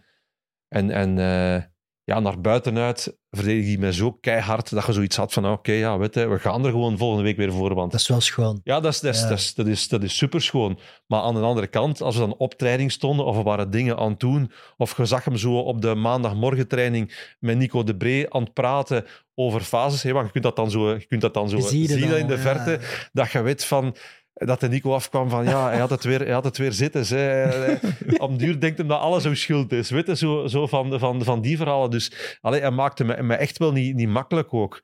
Maar ehm, Had je een bijnaam bij hem? ja, ja, een vliegertje, denk ik, zoiets was. Het was, eh, ja, het was, het was, eh, eh, eh, het was nogal, nogal liefkozend. Maar ehm, Maar ja, ik vind het wel straf, want je zakt en Beveren, ja, die gingen sowieso terug voor de promotie gaan. Ja, Om plus dan en al uw vertrouwen te leggen in een superjonge doelman, ook, heel die zonder ploeg, ervaring. ook heel die ploeg bleef. Hè. Dus de, de Nederlanders, Van Ankeren, Van Vossen. eh, Een dure ploeg Een dure ploeg ook, waar, je, ja. moest mee overgaan. Hè. Dus ja, die, die een druk was er ook wel om over te gaan. Oké, we hadden echt wel een goede ploeg. Allee, We zijn echt wel met vlag en wimpel kampioen geworden ook. Het is een fantastisch jaar, een fantastisch jaar geweest. Maar ehm, Maar zelfs financieel vind ik een slimme zet. Ga maar eens een, een hele goede doelman halen om naar een net gezakte ploeg. Als je dan iemand Ja, hebt die talentvol was- is, die, die niet het zwaarste contract gaat hebben. op dat moment was dat ook logisch dat dat gebeurde. Ja, maar je moet kampioen worden. Ja, je moet Dan heb je een goede dus, keeper en een goede spits Je nodig. gaat, je gaat genoeg, je gaat genoeg keepers die naar Bever hadden willen komen. Dus op dat vlak allee, was, het, was het echt wel een bewuste keuze van Boskamp eh, eh, om, om, om dat te doen. Want in die kleedkamer een Van Ankeren en zat Van Vossen er ook nog? Is die meegezakt? Ja, ja, van, van Vossen, Van Ankeren, Van Ham. Ik zie die mannen nog wel in de voorbereiding tegen de coach zeggen, ja, ik Ja, nog een ik bedoel- 30-jarige keeper, pakken we die niet? Allee, ehm, ik, ik, ik was op dat moment eh, was ik ook belofte international. Allee, ik, ik had wel ook mijn Status, een beetje. Maar status, iets, bedoel- Iets, iets. Ehm, ik, ik, eh, ik werd wel aanzien als iemand met kwaliteit. Het was niet zo dat, dat ze dus iets hadden van, ja, wat komt hij hier doen? Ze, ken, ze kenden mij wel allemaal al en ze hadden ook wel gezien op training van, oké, ja, Het is een goeie. Hij kan wel, hij kan wel iets. En als ze niet goed met die omgaan, gaan de andere ploegen ook wel kijken. Zeg, die ja, zijn die vlieger er niet aan het gebruiken. ja, dus allee, fijn, nee, op dat vlak was er wel van alle kanten was er heel veel vertrouwen. Alleen ja, ehm, Ook van de topspelers. ook van de topspelers, Oh, ja. Maar, maar ik zeg het, de, de hardste, de hardste was, was, eh, was Boskamp voor mij. Ja. Die, die heeft me echt eh, op, een, op een achteraf gezien, ja, ja, een, een zalige manier echt helemaal erdoor getrokken eigenlijk en erdoor gekregen. En me nog in dat jaar ook nog veel beter gemaakt. hè. Die heeft u prof gemaakt, profwaardig. Ja, die heeft, voilà, die, die vooral, want ik was, ik was een, een, een eh, allee, ik, ik werd dan zo eh, gezien als een van de grootste talenten qua keepers betreft, maar ja, een jeugdtalent. Hè. Ik was nog geen keeper van die eerste ploegen. En wat ik, wat ik, wat ik altijd onthouden heb van dat jaar, en dat is, dat is eigenlijk een, een, een, een spreuk van een, van een Boskamp, en je moet ze hem eigenlijk zelf horen zeggen. Ehm, want we hadden een hele goede ploeg. Hè, en, en iedereen zei van ja, Bever gaat kampioen worden. Bever moet kampioen worden. Want die hebben de ploeg gehouden en, en die hebben een goede trainer. En, en, en Boskamp eh, merkte op een bepaald moment, hè, want we hadden een paar keer verloren, dat dat toch wel op de ploeg begon te wegen. En die, eh, die kwam eens binnen en die zei, eh, gasten zei, luister even hier, wij moeten eigenlijk niks, zegt hij, maar wij willen zo verschrikkelijk graag. En hij kon dat zo zeggen op een manier van, wij willen zo verschrikkelijk graag kampioen worden. Dan zegt hij, daar gaan we het mee doen. En dat is eigenlijk, dat is eigenlijk beginnen leven in die groep van, ja, eigenlijk moeten wij inderdaad niks, maar we, willen echt Ja. zo verschrikkelijk graag kampioen worden. En dat was ook met een, met een generatie die dat ook kort, kort bij elkaar hing allemaal en die dat verschrikkelijk graag ook na een match kon omzetten in allee, wij willen verschrikkelijk graag hier een fantastisch jaar beleven op en naast het veld. En dat is ook ja, geëindigd in een, in een, in een verschrikkelijk graag eh, willen winnen en kampioen spelen en, en feest uiteindelijk. Dus ja, ik denk dat dat misschien ook wel een van, van mijn meest intensieve jaren geweest is als profvoetballer. Was dat succes, het geheim van zijn succes? Dat hij de, de spelers altijd goed kon raken? Het meer Ja. people management? Absoluut, absoluut. Ja, Hij Was- zou in, in het hedendaagse voetbal minder succes hebben, denk ik dan. Of, ja dat dat weet ik niet, dat weet ik niet. goed Maar, omringen, hè? maar Boskamp, Boskamp die, eh, die, eh, Ja. allee, het, het, verhaal, het verhaal van bij Anderlecht jaren later dan, dat hij echt wel wist van oké, die grijze Nilis, eh, dat zijn mijn sterkhouders, die eh, laat ik doen en weet ik, wat die, die, ik weet wat, wat ik daarvan kan verwachten. En als ik die in, in, in de pijplijn steek, gaat de rest wel volgen. Of, of die kon ook, eh, ja, die kon echt letterlijk iemand door een muur laten lopen. Die kon echt zeggen van, eh, tegen één, of die kon echt iemand zo, zo behandelen en, en zo oppompen, dat, dat, dat, die, dat, dat sommige gasten echt voor hem letterlijk door een muur liepen. En ja, je creëert wel iets. Hm. En, en je kunt dan op een bepaald moment zeggen van oké, dat, dat, dat raakt ook wel uitgewerkt. Dat is ook zo, maar oké, dat is heden ten dagen nog meer dan, dan anders.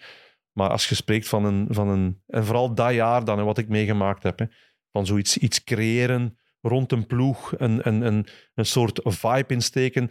Maar aan de andere kant ook verschrikkelijk, verschrikkelijk hard zijn, maar echt verschrikkelijk hard. Dat je ook zoiets had van, ja, maar bedoel, het is wel plezant, en, maar je wordt echt niet, wordt echt niet gelachen. Allee, ja, bij momenten nee. wordt er echt niet, niet mee gelachen ook. Dan eh, ja, we hadden de schrik van, ze, van een boskamp. ja, maar dat kan ik me voorstellen. Heeft hier eens, toen hij te gast was, een keer echt bekken kwaad gekeken. Toen had ik al schrik. Ja, maar oké, maar dat is dan nog iets anders. Ja, dat is iets totaal anders. maar dat was Mijn echt baas niet. Of, ja. Ja, die kon, die kon ook echt niet verliezen. Die kon, die kon echt, maar die kon op zondagmorgen toekomen.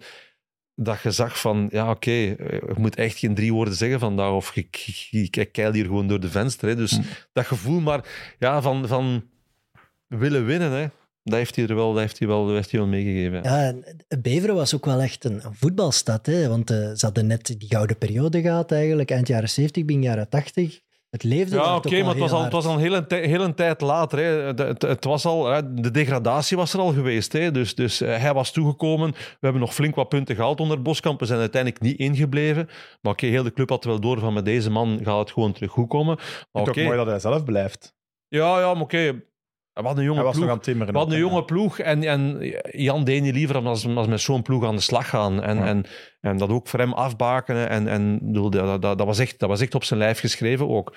Maar wij moesten ergens terug naar ja, de gouden periode van, van Bever. Dat was inderdaad niet simpel. En in 95 ga je naar Anderlecht. Is het ook Boskamp? Eigenlijk in 94 allemaal. Dus het is nog Boskamp die u gaat halen. Eh, Want- nee, ik had al, ik had al eh, een jaar eerder in, in Anderlecht getekend, maar niemand heeft dat ooit geweten. Oké. Toen mocht dat. Want dan, ah, ik wou net zeggen, want dat mag eigenlijk niet. Want je waart einde contract. Eh, uiteindelijk wel, hè. Ja, ja, maar ik, ik had eigenlijk het jaar ervoor al bij Anderlecht getekend. Dat is vroeg. Waarom Ja. zou u zou u zelf zo vastzetten? Nee, maar Jij toen- wou gewoon ja, maar- per se naar Anderlecht. En Nee. Anderlecht jaren 90. Ja, maar bedoel- hij had nog een jaar. Ik weet niet, wie Ja. weet komt er dan Barcelona. Ik zeg Nee, maar nee, iets. Hè. allee, we moeten even de, de tijdsgeest terughalen. En, en dat is ook de reden waarom de Anderlecht en Club Brugge toen zo goed waren. Als je, als je bij ploegen als, als Beveren speelde, dan ging je als je goed was, ging, oftewel ging naar Club Brugge, oftewel ging naar Anderlecht. Stefan van der Rijden ging naar, ging naar eh, eh, Club Brugge, ik ging naar Anderlecht. Weet je, dat, was, dat, was, dat was gewoon zo. Dat was gewoon zo. En, en in 1994 kreeg ik, het, kreeg ik het aanbod van Anderlecht. Dus dat was ook ja, logisch dat ik, dat ik naar Anderlecht eh, eh, ging. Ehm, maar ja, Flip de Wilde was er toen ook nog. En, en ja, dat was ook zoiets van: oké, maar ja, je blijft wel nog bij Beveren dit jaar. Dus ik had nog een jaar contract in Beveren. Ik, heb al, ik had al getekend bij Anderlecht. Ik heb ook gewoon in dat jaar tegen Anderlecht gespeeld en zo. Weet je. Maar dat was ook allemaal geen zever van: gaat je wel zijn best doen? Nee, dat, Michel Verschuren Maar ja, dat als, als het niet geweten was. Ja, het was ook. Het was ook eh, in principe was het niet. Die contracten waren wel getekend, maar het was niet naar buiten gebracht. Hè. Dus, We dus gaan die matchen toch nog eens opzoeken. en 0-0 met een fantastische redding van Geert de Vlieger op een alleen ge- doorgebroken Mark de Grijze trouwens. Oké. 0-0 op, eh op Beveren. Eh, nee, maar... Allee, ja. Maar je komt dat wel pas aan in 95 ja. en dan is hij weg, eigenlijk. Eh, dan is zijn eerste... Maar oké, ja, ik bedoel, ik ging ook niet voor, voor Boskamp naar Anderlecht. Ah, hè, dat- ja. niet dat hij u toch gaan halen zonde. is. Nee, Het is toch zonde? Hè? Het is toch zonde? Je zet die stap naar een topclub. Ja, wat heeft niet lang geduurd? de man die u Het heeft niet kent. lang geduurd, of hij was ze terug. Hè? ja, dat is Heeft- hoe lang heeft dat geduurd? Drie maanden? Vier maanden misschien? Waar eerst eh, hij was het, eh, eh, 53 dagen, Herbert Neumann. Geniale periode. Eh, ja. We gingen Ja. niet zo wat alles mis dat mis kon gaan. Alles ging mis, ja. Alles ging mis.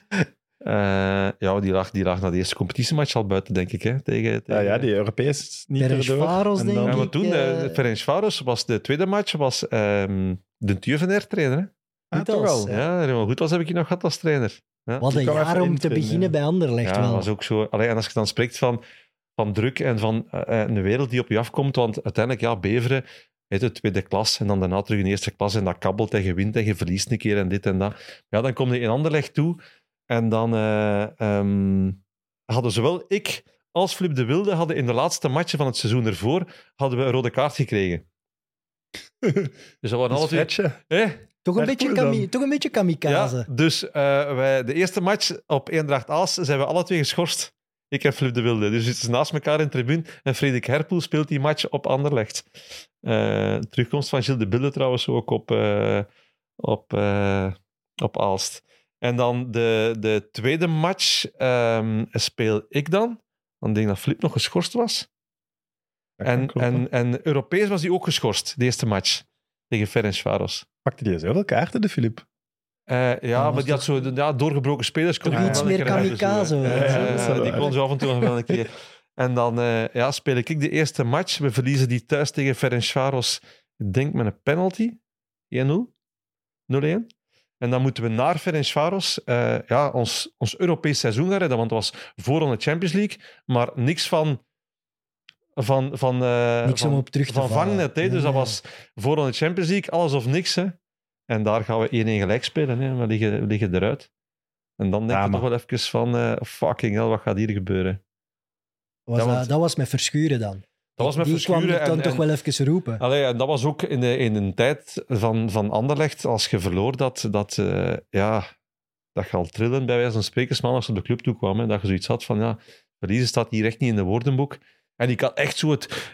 Ik, want, ja, bedoel, ik was, ik was nog bleu op dat moment ook. Hè. Ik weet nog, in die, in die voorbes- voorbespreking van die match, en die voorbeschouwing, en ja, mannen, we moeten winnen vanavond. Hè, en, en wat dat er allemaal van afhing, dat ik echt zoiets had van, ja, fuck. Allee, ten eerste, het is geen optie als we verliezen. En ten tweede, als we verliezen, ja, hoe gaat morgen eruit zien? Morgen bestaan niet meer. Dat gevoel krijg je echt. Ja, dat gevoel ik. krijg je echt, hè, dat, er, dat, er, dat, er, dat de wereld ontploft als je dan zandrags opstaat. hè.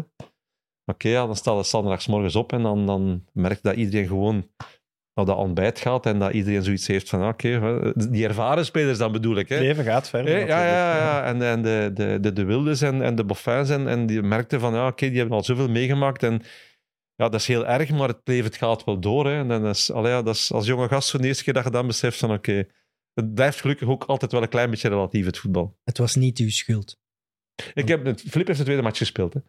Die, was, eh, die was toen terugspeelgerechtigd. Wat had Verschuren eigenlijk tegen u gezegd toen hij u naar Anderlecht haalde? Want ja, de wilde zat er al. Was het dan om te concurreren? Of was dat wel echt... Eh, ja, ik bedoel, ja, je was talent, dus je was blij dat je naar Anderlecht kon. Eh, ik herinner me ook de, de legendarische woorden van, van Mark Emmers toen ik eh, op Anderlecht toekwam in die, eerste, in die eerste week. En die zat niet zo ver van mij in de kleedkamer en die zei van... Hij zegt, geef jezelf gewoon rustig zes maanden tijdzicht om dat hier allemaal een beetje... En dat klopte eigenlijk ook ja, dat snap ik wel. Op, op dat moment... Ja, zolang Filip daar zat, kon dat ook. Hè? ja, kon dat ook. En, en ja, ik vond het voor mezelf ook niet zo erg om daar eerst even vanuit een, vanuit een zekere eh, tweede positie even te kijken wat er allemaal inderdaad op dat vlak, zoals ik net aangeef, allemaal gebeurde, het er allemaal aan toe ging. En, en ja, toch weer de volgende stap zetten in, in die carrière. Want als ik dan, als ik dan zie hoe sommige allee, toptalenten op hun twintig jaar, eh, eh, wat een Bart Verbrugge nu doet bij, bij Anderlecht, wat, wat een Courtois gedaan heeft, allee, dat is, ik vind dat nog van, van, een, groter, van een groter talent eh, getuigen, dat je dat allemaal kunt naast je eh, sportieve capaciteiten, ook die mentale capaciteiten al hebben om het allemaal te kunnen. Allee, ja, Worden ze daar nu ook niet sneller klaar voor gemaakt? ja, misschien wel. Misschien wel. ook. Onze jeugdopleiding, en dat is dan, heeft dan ook zijn voor- en nadelen, was nog iets meer van spelen en plezier maken. En, en, en terwijl ze nu waarschijnlijk ook al heel snel ehm, eh, daarop gefilterd worden en misschien ook dan sneller er, ervan tussen vallen, dat zou kunnen. Want je gaat wel naar Anderlecht met wat, toch al 100 wedstrijden op je teller. Waarvan, 66. ja, waarvan zeker 100 al in eerste klasse. Ja, Filip de Wilde weet dat toch? Ja, die gast komt er hier niet bij om, om heel nee, nee, nee, maar oké, ja, te blijven. ten, Dus eerste, ten eerste, dat was Anderlecht. Allee, is hij dan goed gezind als jij ehm, erbij komt? Ja, je kunt wel niet bij Anderlecht spelen en niet tegen concurrentiestrijd kunnen. Hè? Nee, maar hij was wel allee, Die een bank een soort icoon van dat elftal. Ja. Stond er al Maar ja, het, was ook, het was ook wel duidelijk dat Flip op een bepaald moment wel de ambitie zou hebben om zelf ook een volgende stap Maar je te hebt dat zetten. niet met hem besproken. Nee, nee, ja, nee, dat gebeurde niet. Maar je, je, je, je voelde op dat moment wel van, kijk, ehm, dat gaat hier ook super lang meer duren voordat Filip ook de volgende stap gaat willen zetten. En dat is dan ook gebeurd. Die is aan het jaar daarna naar Sporting Lissabon gegaan. En zo heeft hij... eh, En waart je dan eigenlijk zeker van nummer 1 te worden? Want ehm, Herpoel is ook echt een hele goede keeper. Ja, ja, ja, ja. Nee, ik bedoel, zeker zetten nooit op Anderlecht. Moet presteren. En, en, en eh, Het is ook niet dat de club dan aan een vervanger dacht. Het is wel echt dat ze zeiden, jullie twee gaan het komt, onder elkaar Eh, uit. dat is pas later, Milojevic, ja, dat Ja, hij die gekomen is. Eh, nee, nou, dat, was, dat was zoiets van... Oké, dat is een, een, een logisch gevolg. En vertrouwen was er in mij. En, en, en eh, nee, dat ging, dat, ging, eh, dat ging eigenlijk... Dat was eigenlijk de logica zelf. Flip vertrok. En ik, zou, zou, ik, ik werd de eerste keeper en moest het gaan bewijzen. En dat is ook, dat is ook gebeurd dan. Is dat wel een heel goede kernplanning. Ja. Hij zal nu een jaar ervoor, zal nu zelfs nog eigenlijk een jaar vroeger, met de optie van hij komt dan gratis. Je kunt inwerken onder Filip de Wilde. Het jaar daarna wordt eerste keeper. Je bent al wat op leeftijd, je hebt al wat ervaring. Dat is eigenlijk perfect. Ja, dat zou het dacht moeten, ik, dat dacht ik toen ook. Hè. Toen naïef was ik toen ook op dat moment. Alles liep perfect. Tot. ja, ze halen, ze halen Flip de Wilde terug ja, voilà. na anderhalf jaar. Smeerlappen. Nee, ik denk eh, dat, dat, ja, dat hij terug wou of zo, dat het dat Ja, nee, het was, het was zo. Ik, ik, eh, eh, dus ik was dan eerst keeper geworden en ik, ik speelde. En, en eh eh, Anderlecht kwam ja, keer praten om mijn contract te verlengen. Dus ik teken denk ik in januari een contractverlenging van vier jaar. Met het plan Vier jaar terug eh, bij Anderlecht, eerste keeper. En, en, en ja, nog geen maand later, denk ik. Hè, het het eh, WK 98 komt eraan, denk ik. Eh, Filip de Wilde was eh, keeper van de nationale ploeg op dat moment. En die eh geraakt op de bank in, in, Lissabon. En... ehm, Die belt Michel. Eh, en die, ja, er wordt, er wordt waarschijnlijk heel veel gebeld. Hè. George Lekers was coach. En, en, en of ja, op dat moment. Hij moest spelen ergens. eh, ja, hij moest ergens spelen, hè, want, want dat WK kwam in het gedrang. En, en eh, ja, op de gezegende dag, niet veel later, stond ineens ja, Flip de Wilde terug op Anderlecht. Dus tot daar de planning. Ja, maar dan moet dan toch even zijn binnengekomen. Eh, dat kwam redelijk hard binnen, ja. Ik bedoel, ja dat heeft, dat heeft, dat heeft, heeft wel verstrekkende gevolgen natuurlijk. Dat is, dat is ook heel duidelijk, ja. Ja. Ik ben er net. En dan... Ja, ik, ik, had, ik had dus ook al een hele tijd gespeeld. Je, hebt, je hebt een paar maanden met de club samengezeten van kijk, wat gaan we met die, met die contractverlenging doen? Hè? Want ja, dan komt wel eens wat interesse. Eh, Vitesse Arnhem was toen een club in Nederland die volop tot ontwikkeling kwam en waar wat interesse voor was. Ehm, maar oké, alles afgewogen en gezegd van ik zit er gewoon goed bij Anderlecht. Ik teken vier jaar bij. Ja, oké, na een paar maanden was dat contract van vier jaar was dat eigenlijk eh, eh, redelijk waardeloos, omdat dat allee, sportief was de situatie ineens weer helemaal, helemaal anders natuurlijk. Hm. Maar eh, hebben ze, twijfelden ze dan aan u? Pff, twijfelen. ehm, Ik denk dat ze het eigenlijk als een buitenkans zijn ja, het is dat. Het was ook wel een, een, een buitenkans. En eh, oké, Flip had fantastische dingen laten zien voor Anderlecht. Die wou op dat moment wou die ook weg. Ze hebben die ook laten gaan. Maar ze hebben niet laten gaan omdat dat een slechte keeper was. Hij was ook geen slechte keeper. Hij was ook gewoon een hele goede keeper. Hè. Dat, was, dat was ook duidelijk. Dat was de keeper van de nationale ploeg ook. Dus eh, op dat vlak... eh, En heeft hij dan met u gesproken toen hij terugkwam? Van ja, sorry Geert, maar ja, Nee, daar werd, daar werd niet over gesproken. maar, ik wil terug. Ehm, nee, op, op dat vlak hebben, hebben, hebben Filip en ik eigenlijk eh, eh, eh, er heel, heel weinig, misschien zelfs bijna nooit met elkaar over gesproken. Maar allee, ik mag wel zeggen dat we, dat we beide wel eh, verstandig genoeg waren om perfect in te schatten hoe de situatie in elkaar zat. En die situatie is, is ook geëvolueerd, want op een bepaald moment was het zo dat, ehm, dat hij dan geblesseerd uitgevallen was. Ik speelde dan bij Anderlecht. Ik had dan ik was aan basis, ik, was dan, ik had dan de plaats. Maar op dat moment was het, ging het ook zo ver dat wie dat bij Anderlecht in de ploeg stond, was ook keeper van de nationale ploeg. Oude Dus, tijden. Ja. dus ja, zo ver ging het, zo ver ging het dan. Hè. Dus dat, dat wie bij Anderlecht op dat moment dan keeper keep- was, keeper ja. was, dat die ook bij de nationale ploeg speelde. Dus moment dat je, dat je in het een of het andere geval zat, allee, ja, hetgeen dat je verloor was eigenlijk redelijk, redelijk groot. Dat was eigenlijk allee, ja, gigantisch groot. Dat was eigenlijk ook niet, niet gezond op dat moment. Dat was... Dat was eh, Was toen nog Verlinde bij Club Brugge eigenlijk? In die periode. Ehm, ja, ja, Dat hè. wel, ja. Ja, want ik had, ik had toen, ik zou toen al. Shirtje hangt er nog. Hè. Dus uiteindelijk ben ik dan ehm, in de voorbereiding naar Harelbeke vertrokken. Hm. Maar Dus, je eh, zou naar Club Brugge zijn gegaan? Of? Nee, wacht. Ah. Eh, dus ja, ik bedoel, die situatie, ik nu weten. de situatie dat, dat, dat, dat, kon hier blijven duren. Dus eh, ik ga verjaren op uitleenbasis naar, naar Anderlecht. Ehm, ik, ik word daar inderdaad dan eh, de nationale ploeg. eh, eh, en ik heb er een fantastisch goed jaar bij, bij Harelbeke. Dat was echt, dat was echt eh die nationale ploeg en, en noem maar op. Eh, Flip was altijd wel nummer één, maar ik, ik kwam, kwam daarbij en zo. En ja, eh, eh, dat seizoen loopt, loopt naar zijn einde.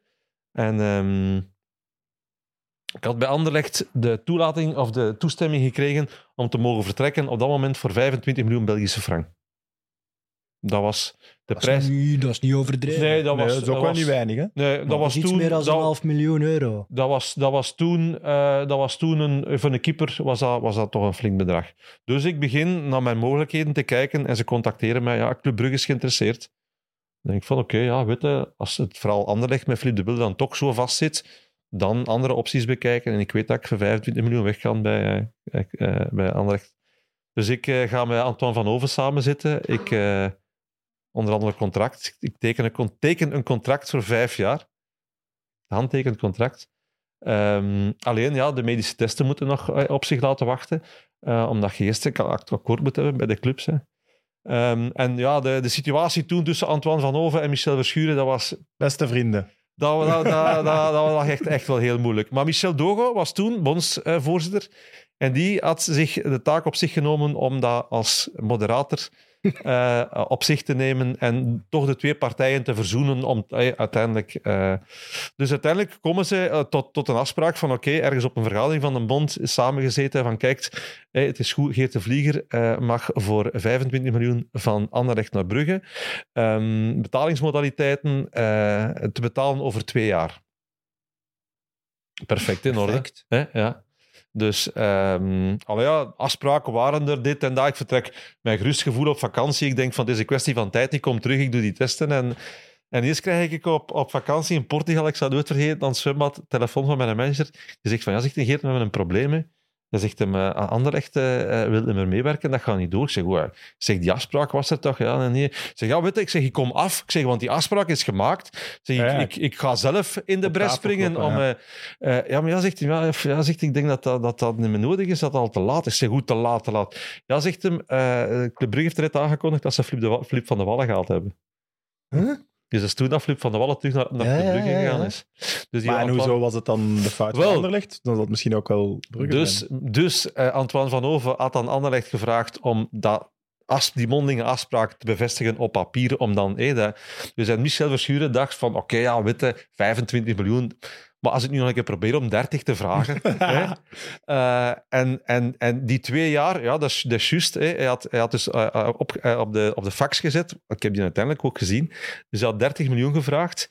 Dus de helft te betalen op 15 augustus. En de andere helft te betalen op 15 januari.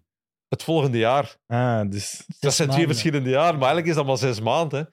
Dus ja, en toen dacht Van Twan van Over van, tegen goed wat, steekt alle vliegen waar dat de zon niet schijnt en hem niet meer hebben. En, en de kloten. En, eh, Maar waarom was die relatie zo vertroebeld? ja, maar was dat dat met ging, de grijze? hè, dat ging ook omdat... Ja, dat was een constant gevecht om de betere spelers natuurlijk in België. Hè? Ja, ja. Want ja, dat was ook zo. Ik bedoel, spelers gingen niet naar, naar, naar Dortmund of naar Feyenoord of nee, we gingen, die gingen naar Anderlecht of Club Brugge. Dus die concurrentie was er elke keer wel voor elke speler. Hè? Dus ja, ehm, de situatie was zoals ze was. En ik krijg telefoon van Michel Verschuren. Die zegt van, ja, maar, maar, dat komt allemaal wel in orde. We vinden wel een oplossing. Hij zegt... ehm, Dus niks. hij zegt, eh, blijf je maar op een gemaksken even thuis. En dan begin je binnenkort maar te trainen. Eh, maar het begon de eerste ploeg te trainen. Ik zeg tegen Mr. Michel, ik zeg nee, ik, zeg, ik sta morgen op training. Ik zeg, je moet er op een kop Oeh, staan. Ik, blijf eh, thuis. ja, omdat we Tijdens zo- de voorbereiding. Ah, maar ja, maar, Ja, nee, ja, maar, hij mocht weg. Maar er was op mij, er was op mij ook niet meer gerekend. Hè. Maar Ik kwam, ik, kwam toe, ik kwam toe, ik kwam Ja. toe op, op de eerste trainingsdag. En er lagen kle- eh, eh, kleren klaar van een veldspeler, genaamd Sandy Martens. Hè, want die ging betrokken worden in, in, de, in, de, in de ruil. Oh, voor, voor, eh, dus allee, ja, dat was echt totaal tegen alle verwachtingen in. Hè.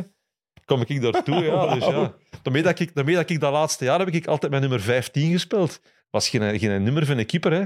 Maar dat was omdat, ja, die nummer was, was, ver- was voorzien. hè. Maar je- Philippe de Wilde zo Zes, je? zeven matchen, hè? Ja, ja, ja. Dat is Ik heb, toen, ik heb toen de voorbereiding gespeeld. Eh, want Filip had iets aan zijn voedsel, geloof ik. Ehm, Maar toen was Milojevic er wel al, hè? Ja, ja, ja, ja. Maar ik heb toen, ik heb toen gespeeld. En toen ja, goed gespeeld, want ja, ik speelde ook met nationale ploeg en zo. Eh, en, mee, en, mee was toen, en mee was toen trainer. En die zei van, ja, je moet toch blijven. En ja, en mee dacht van, ja, hoe meer keepers ik heb, hoe beter. eh. Maar ja, dat was echt niet meer... eh. En toen was ik ook, na, na dat voorvalken, was ik ook naar Roger van den Stok gestapt en gezegd van, kijk, ik ga je niet, bu- niet buiten voordat jij mij op papier effectief ook bevestigt dat ik vanaf nu voor 25 miljoen doffies weg kan. Hm. En toen, met dat papier in de hand en uiteindelijk via de contacten bij Willem II, heb ik dan in november 99, want toen kon dat nog, zo midden in het seizoen. Kon dat eh, voor, voor iedereen nog? ja, ja, ja, ja, Ah, ja toen, toen liep dat nog. Toen was dat nog niet zo afgebakend. Eh, en ik ben toen in Dat is een november, geluk geweest. wel, in november 99, eh, vlak na de, de Champions League-campagne van Willem II, ben ik naar Tilburg getrokken dan. Want anders had je een verloren jaar gehad, hè? Eh, ja, die ja. transfer Ja, nee, want stil. je speelde wel nog. Ja, op dat moment wel. Maar oké, je wist ook een keer dat de wilde dat terug gaat zijn, gaat dat toch weer allee, ja, en een kant uitdraaien dat er een situatie is die, die, niet gezond is. En, en ja, het, het, het verhaal van Anderlecht was altijd van ja, maar je hebt hier wel een goed contract. En ik had ook een goed contract getekend voor vier jaar. Maar ja, en dat bleven ze wel honoreren. Dat bleven ze wel honoreren. Maar ja, ik, ik had gewoon heel veel, te veel te verliezen, omdat die nationale ploeg zat daar ook wel bij. En, en dat was, dat was voor, ons, voor ons beiden eigenlijk. Ik zeg het, en daarmee... Ik bedoel, Filip moest niet uitleggen wat de situatie was tegen mij en ik niet tegen hem. We wisten alle twee. En ze gingen nu niet buiten pesten bij Anderlecht. Dat ze niet gezegd van ja, we, gaan nu Ja, nee, maar ik was- Ik, ik, kon mij niet. ook, ik kon mij ook zo niet gedragen. Ik bedoel, eh, want, want ik, herinner mij, ik herinner me op een bepaald moment nog, ehm, eh, moest ik dan wel eh, met, ergens met een beker gaan trainen op een bepaald moment. En Frankie Verkouteren was daar toen, was daar toen coach. En Frankie kwam naar mij en zei, eh, eh, Geert zegt van, kijk, dit is de situatie. Hij zegt, jij wordt mij hier nu, hé, bij wijze van spreken, opgedrongen. Hij zegt, maar, ja, wij zegt, we zijn grote mensen onder elkaar. Jij grote mensen, ik ook. Dus dat was ook meteen duidelijk. Ik, ik had er ook alle belang bij om goed te blijven trainen, eh, om, om mijn ding te doen. Eh Frankie, die, die koeioneerde, mij aan geen enkele kant. Ik weet nog dat, dat er een match was, dat er, ik denk dat Milojevic meeging van de A-ploeg op dat moment. Eh, en dat ze gezegd hadden van, ja, maar die moet wel de hele match spelen. Dat was een match in Nederland. En dat Frankie zelf zei bij de rust van, kijk Geert, jij gaat sowieso een time spelen. Ik pak wel niet mee om de ganse dag hier eh, te komen en dan op de bank te zitten. Weet je, eh, op dat vlak moet ik wel zeggen, dat was echt wel een waar, dat je, waar, dat je, kon, eh, allee, waar dat je duidelijkheid mee had. Dus die situatie was uiteindelijk ook niet verzuurd, maar ja, ik had gewoon te veel te verliezen door daar te blijven. Maar ik denk niet dat Anderlecht een ploeg is die spelers gaat pesten en dat jij ook niet degene waart die er je klak naar ging gooien. Eh, nee, maar oké, ja, er, was wel wel een, situ- zonde, er was toch? wel een situatie ontstaan met de voorgeschiedenis die op een duur echt, echt niet, meer, niet meer gezond was. Want je had, wel, je had wel jarenlang eerste keeper kunnen zijn van Anderlecht, toch? Dat had perfect Ja, maar oké, gekund. op, dat, op dat moment besefte wel dat een Is- voetbalcarrière is niet... En ik vind het, vind het wel een beetje schattig zelfs ook. Jij daar, daar, daarvoor net nog zat te zeggen van hoe het allemaal uitgetekend leek. En, en ja, dat dacht ik zelf op dat moment ook. Tot dan, omdat... Ik had dat ook geloofd, hè, in die plaats. ja, en, en ik begin dan op het, op het verhaal van 14, 15 jaar als je naar Beveren gaat. Tot dan dacht ik ook van, oké, ja, weet je, dat is ergens uitgestippeld. Maar dat is dan het eerste moment dat je denkt van, oké, niet, is alles, niet alles is zo uitgestippeld. En dan loopt dat anders. En is dat anders gelopen? Ja. Is dat eh, beter of slechter gelopen? Het is wat het is. En ik denk dat het uiteindelijk nog wel redelijk goed gelopen is ook, ja. Denk ik ook. en er waren drie goede keepers. Hè? We doen nu wat minachtend over Frederik Herpoel, maar hij heeft daarna ook nog een mooie carrière. Herpoel, Ja, is- Milojevic was ook een goede keeper. Herpoel is, Herpoel eh, ook. is eh, jarenlang eerste keeper geweest bij Gent en die is als tweede keeper meegetrokken naar het WK in eh, Japan en Zuid-Korea 2002. Dus hebben we elkaar daar terug... te- terug Maar wat ik eh, vooral ook wou vragen van mijn Verlinden en Club Brugge dan, die was precies nooit in zicht van de Rode Duivels. Lijkt dat nu maar. Eh, nee, maar ja, dat Dat was... gezegd, als- jij speelde bij Anderlecht, werd jij nummer 1. Als Filip speelde bij Anderlecht, was Filip nummer eh, 1. Hij maar werd toen was Danny al net iets, net iets ouder ook. En ja, het was dan vooral de, de periode van, van eh, Michel Perdom. Die, Ja, dat die outstanding was. natuurlijk. En, en ja, de tweede was sowieso eh Flip de Wilde. Hè. Herinner u eh, de matchen voor Ja. het WK? Dus dat was, dat was eigenlijk, de hiërarchie was daar op dat vlak, op dat vlak duidelijk. En dan, hadden veel dat- goede keepers altijd. Hè. dat Dat, waren- was het Danny, was dan wel vaak mee, maar het was ook zo, op dat moment een selectie van de nationale ploeg, dat waren twee keepers. Hè. Nu pakken ze, nu pakken ze een half ploegkeepers mee. Dat is waar. Toen waren er Hier, ja. voor elke match een kwalificatiematch. Dat waren altijd maar twee keepers. Hè. Alleen voor een WK of een groot toernooi waren er uitzijn- uitzonderlijk drie keepers mee. Maar eigenlijk voor alle andere matchen waren er altijd maar twee. En dat was, dat was het. Hè. En nu, eh, nu zijn ze altijd met vier eigenlijk. Hè. Ja, klopt. Eh, wat ik voorstel is dat we u nog eens uitnodigen om de rest van de carrière te bespreken. Ja, ik vind het wel super interessant. Ja, ik ook. Maar ik weet dat er, Ja, zo'n lange carrière. ja, ik weet dat er nog geniale dingen in de carrière in zitten. Dus ik zou, ik zou het jammer vinden als ik die te kort moet behandelen. Nee, voilà, daarom. Ja, ja. Ik volg Maar ik wou wel nog eh, één ding vragen over. Je werd vandaag in het gebouw hier voor Mhm. eh, Kom op tegen kanker video's. Eh, waarom ligt dat zo nauw aan het hart? Allee, Ehm, ik snap het, het is een goed doel. En, Ja, ja. Maar ja, weet je, ehm, eh, ik heb heel lang gevoetbald en ben na mijn voetbalcarrière toch iets blij, beginnen zoeken om mij, om mij sportief bezig te houden. Ik heb absoluut de liefde voor eh, de fiets eh, ontdekt. Eh, een understatement, denk ik. dat is een understatement, maar eh, ja, nee, maar dat is gewoon... Dat is gewoon bent topfit. ik ben, ik ben Ja, redelijk fit. Ja, ik ben redelijk fit. En, en ehm, ja, ehm, zoals ik al zei, ik, ik zit in een luxe positie dat ik echt graag kan doen, of dat ik kan, wat kan doen wat ik heel graag doe. Eh, en dat geeft me ook de nodige vrije tijd om, om, eh, om die te steken in dingen die ik echt wel heel waardevol vind. En we zitten met een, met een vriendengroep die eh, niet meer piepjong is. Maar ja, je hoeft niet ouder te zijn om de verschrikkelijke ziekte te ontdekken of, of tegen te komen. Dus op dat vlak hebben wij wel allemaal ons kilometers al meegedragen. En ja, is die koop tegen kanker op een bepaald moment bij ons gepasseerd, hebben we zoiets gehad van, weet je, we gaan daar, we gaan daar iets mee doen. Hm. Het feit dat we graag fietsen en dat je voor een goed doel eh u kunt inzetten. En ik ben sinds ehm, paar jaar met de organisatie van de 1000 kilometer fietsen kom tegen kanker in aanraking gekomen. Ik heb er een paar keer eh, zelf mee gefietst. Eh, het is nu al jaren een stuk dat wij vier, vijf teams inschrijven en daar eh 20, 30.000 euro voor ophalen om, om tegen kanker ja, te, dus het te geld dat jullie ophalen is waanzin. Ja, maar eh, dat geld komt niet van ons. Dat geld komt, komt van heel veel mensen die het, die het, die het concept genegen zijn. En eh, ja, ik ben dan op een bepaald moment ook Peter geworden van de organisatie. En, en ehm, ja, af en toe voelde een match. Ik denk dat dat van beide kanten is. En ik doe het heel graag. Organisatie... Je doet eh, ook wel veel ervoor. Allee, je bent echt geëngageerd. Het is niet, Ja, ik gewoon, maar ja, het is niet gewoon je naam maar aan linken. Nee, nee, omdat ik zoiets heb van, ja, als je het dan doet, dan, doen- dan doen we het goed. Ik Hm. in, in het, zoals dat we altijd de dingen proberen te doen hebben. Maar je bent toch ook een hele logische Peter, vind ik. Ja, ja logisch in de zin dat, dat ik- fietsen ik- dat- erbij, dat- dat- fietsen, fietsen doe ik wel redelijk veel, ja. Ja, maar nee, ja, Duizend die, kilometer, dat lukt wel. die duizend kilometer dat kun jij op één dagje. Ja. Maar, eh, maar oké, ja, in, in, in, in, in ons geval is, is, eh, is eh, Hilde een vriendin die ons een paar jaar geleden eh, ontvallen is door de verschrikkelijke ziekte. En is dat wel een verhaal dat, dat op die manier toch ergens ehm, ja, de aandacht blijft krijgen. En is, eh, ja, er zijn heel veel Hildes. Hè. Mhm. En er zijn gelukkig heel wat meer Hildes die, die er wel nog zijn. Mhm. Maar dat is voor ons... ehm, ja, dat is iets dierbaars en dat is, dat is leuk om daar tijd in te steken. Eh, en het hoeft niet allemaal geld op te brengen Ja, is waar. eh, in, in deze huidige eh, tijden. Dus, dus dan is dat, is dat leuk om, om te kunnen zeggen van kijk, we steken daar heel veel tijd en energie in. En ja, mensen die het nog niet meegemaakt hebben, eh, maar mensen van Mechelen weten dat zeker. Wat voor een fantastische organisatie dat, dat is. Wat voor een fantastische vierdaagse dat dat is. Dus ehm, Het is, Ja, ook dat is een, voor het is mij- een heel fijn event ook. ja, maar het, het, het, eh, het brengt heel wat mensen samen die met een verhaal zitten. En, en oké, dat, dat begint heel vaak met een, met een slecht verhaal. Maar er lopen heel veel verhalen ook eh, heel goed af. En, en ik bedoel, eh, Evert mag daar het absolute eh, een fantastische voorbeeld van zijn. Hm. Ehm, en, Ja. en ook dat heeft allemaal zijn aandacht en zijn tijd nodig. Dus en, ehm, ik, ik besef dat ik van, vanuit mijn eh, eh, ehm, positie, klinkt misschien een beetje raar, maar, maar dat je wel iets kunt verwezenlijken, dat je wel iets kunt, kunt in gang zetten. En vind dat wel eh, dankbaar om dat te mogen doen. Ja. Weer mooi. Ik heb u ook gezien, Evert. Jij gaat, doet ook mee in die filmpjes. Je ziet er wel wat minder, minder fit uit dan Nee, Geert. maar nu zet je eh, echt, ik zeg het nog eens, de kroon aan het ontbloten. Hè, want de behind the scenes van die video's en hoe ik mij in dat uh, Lycra-pakje wurm, die zijn echt wel niet voor publicatie vatbaar, die beelden. Evert, Ik heb nog tip, wel een werk. gouden tip, een zwart koerspakje slankt af. het was zeker niet zwart.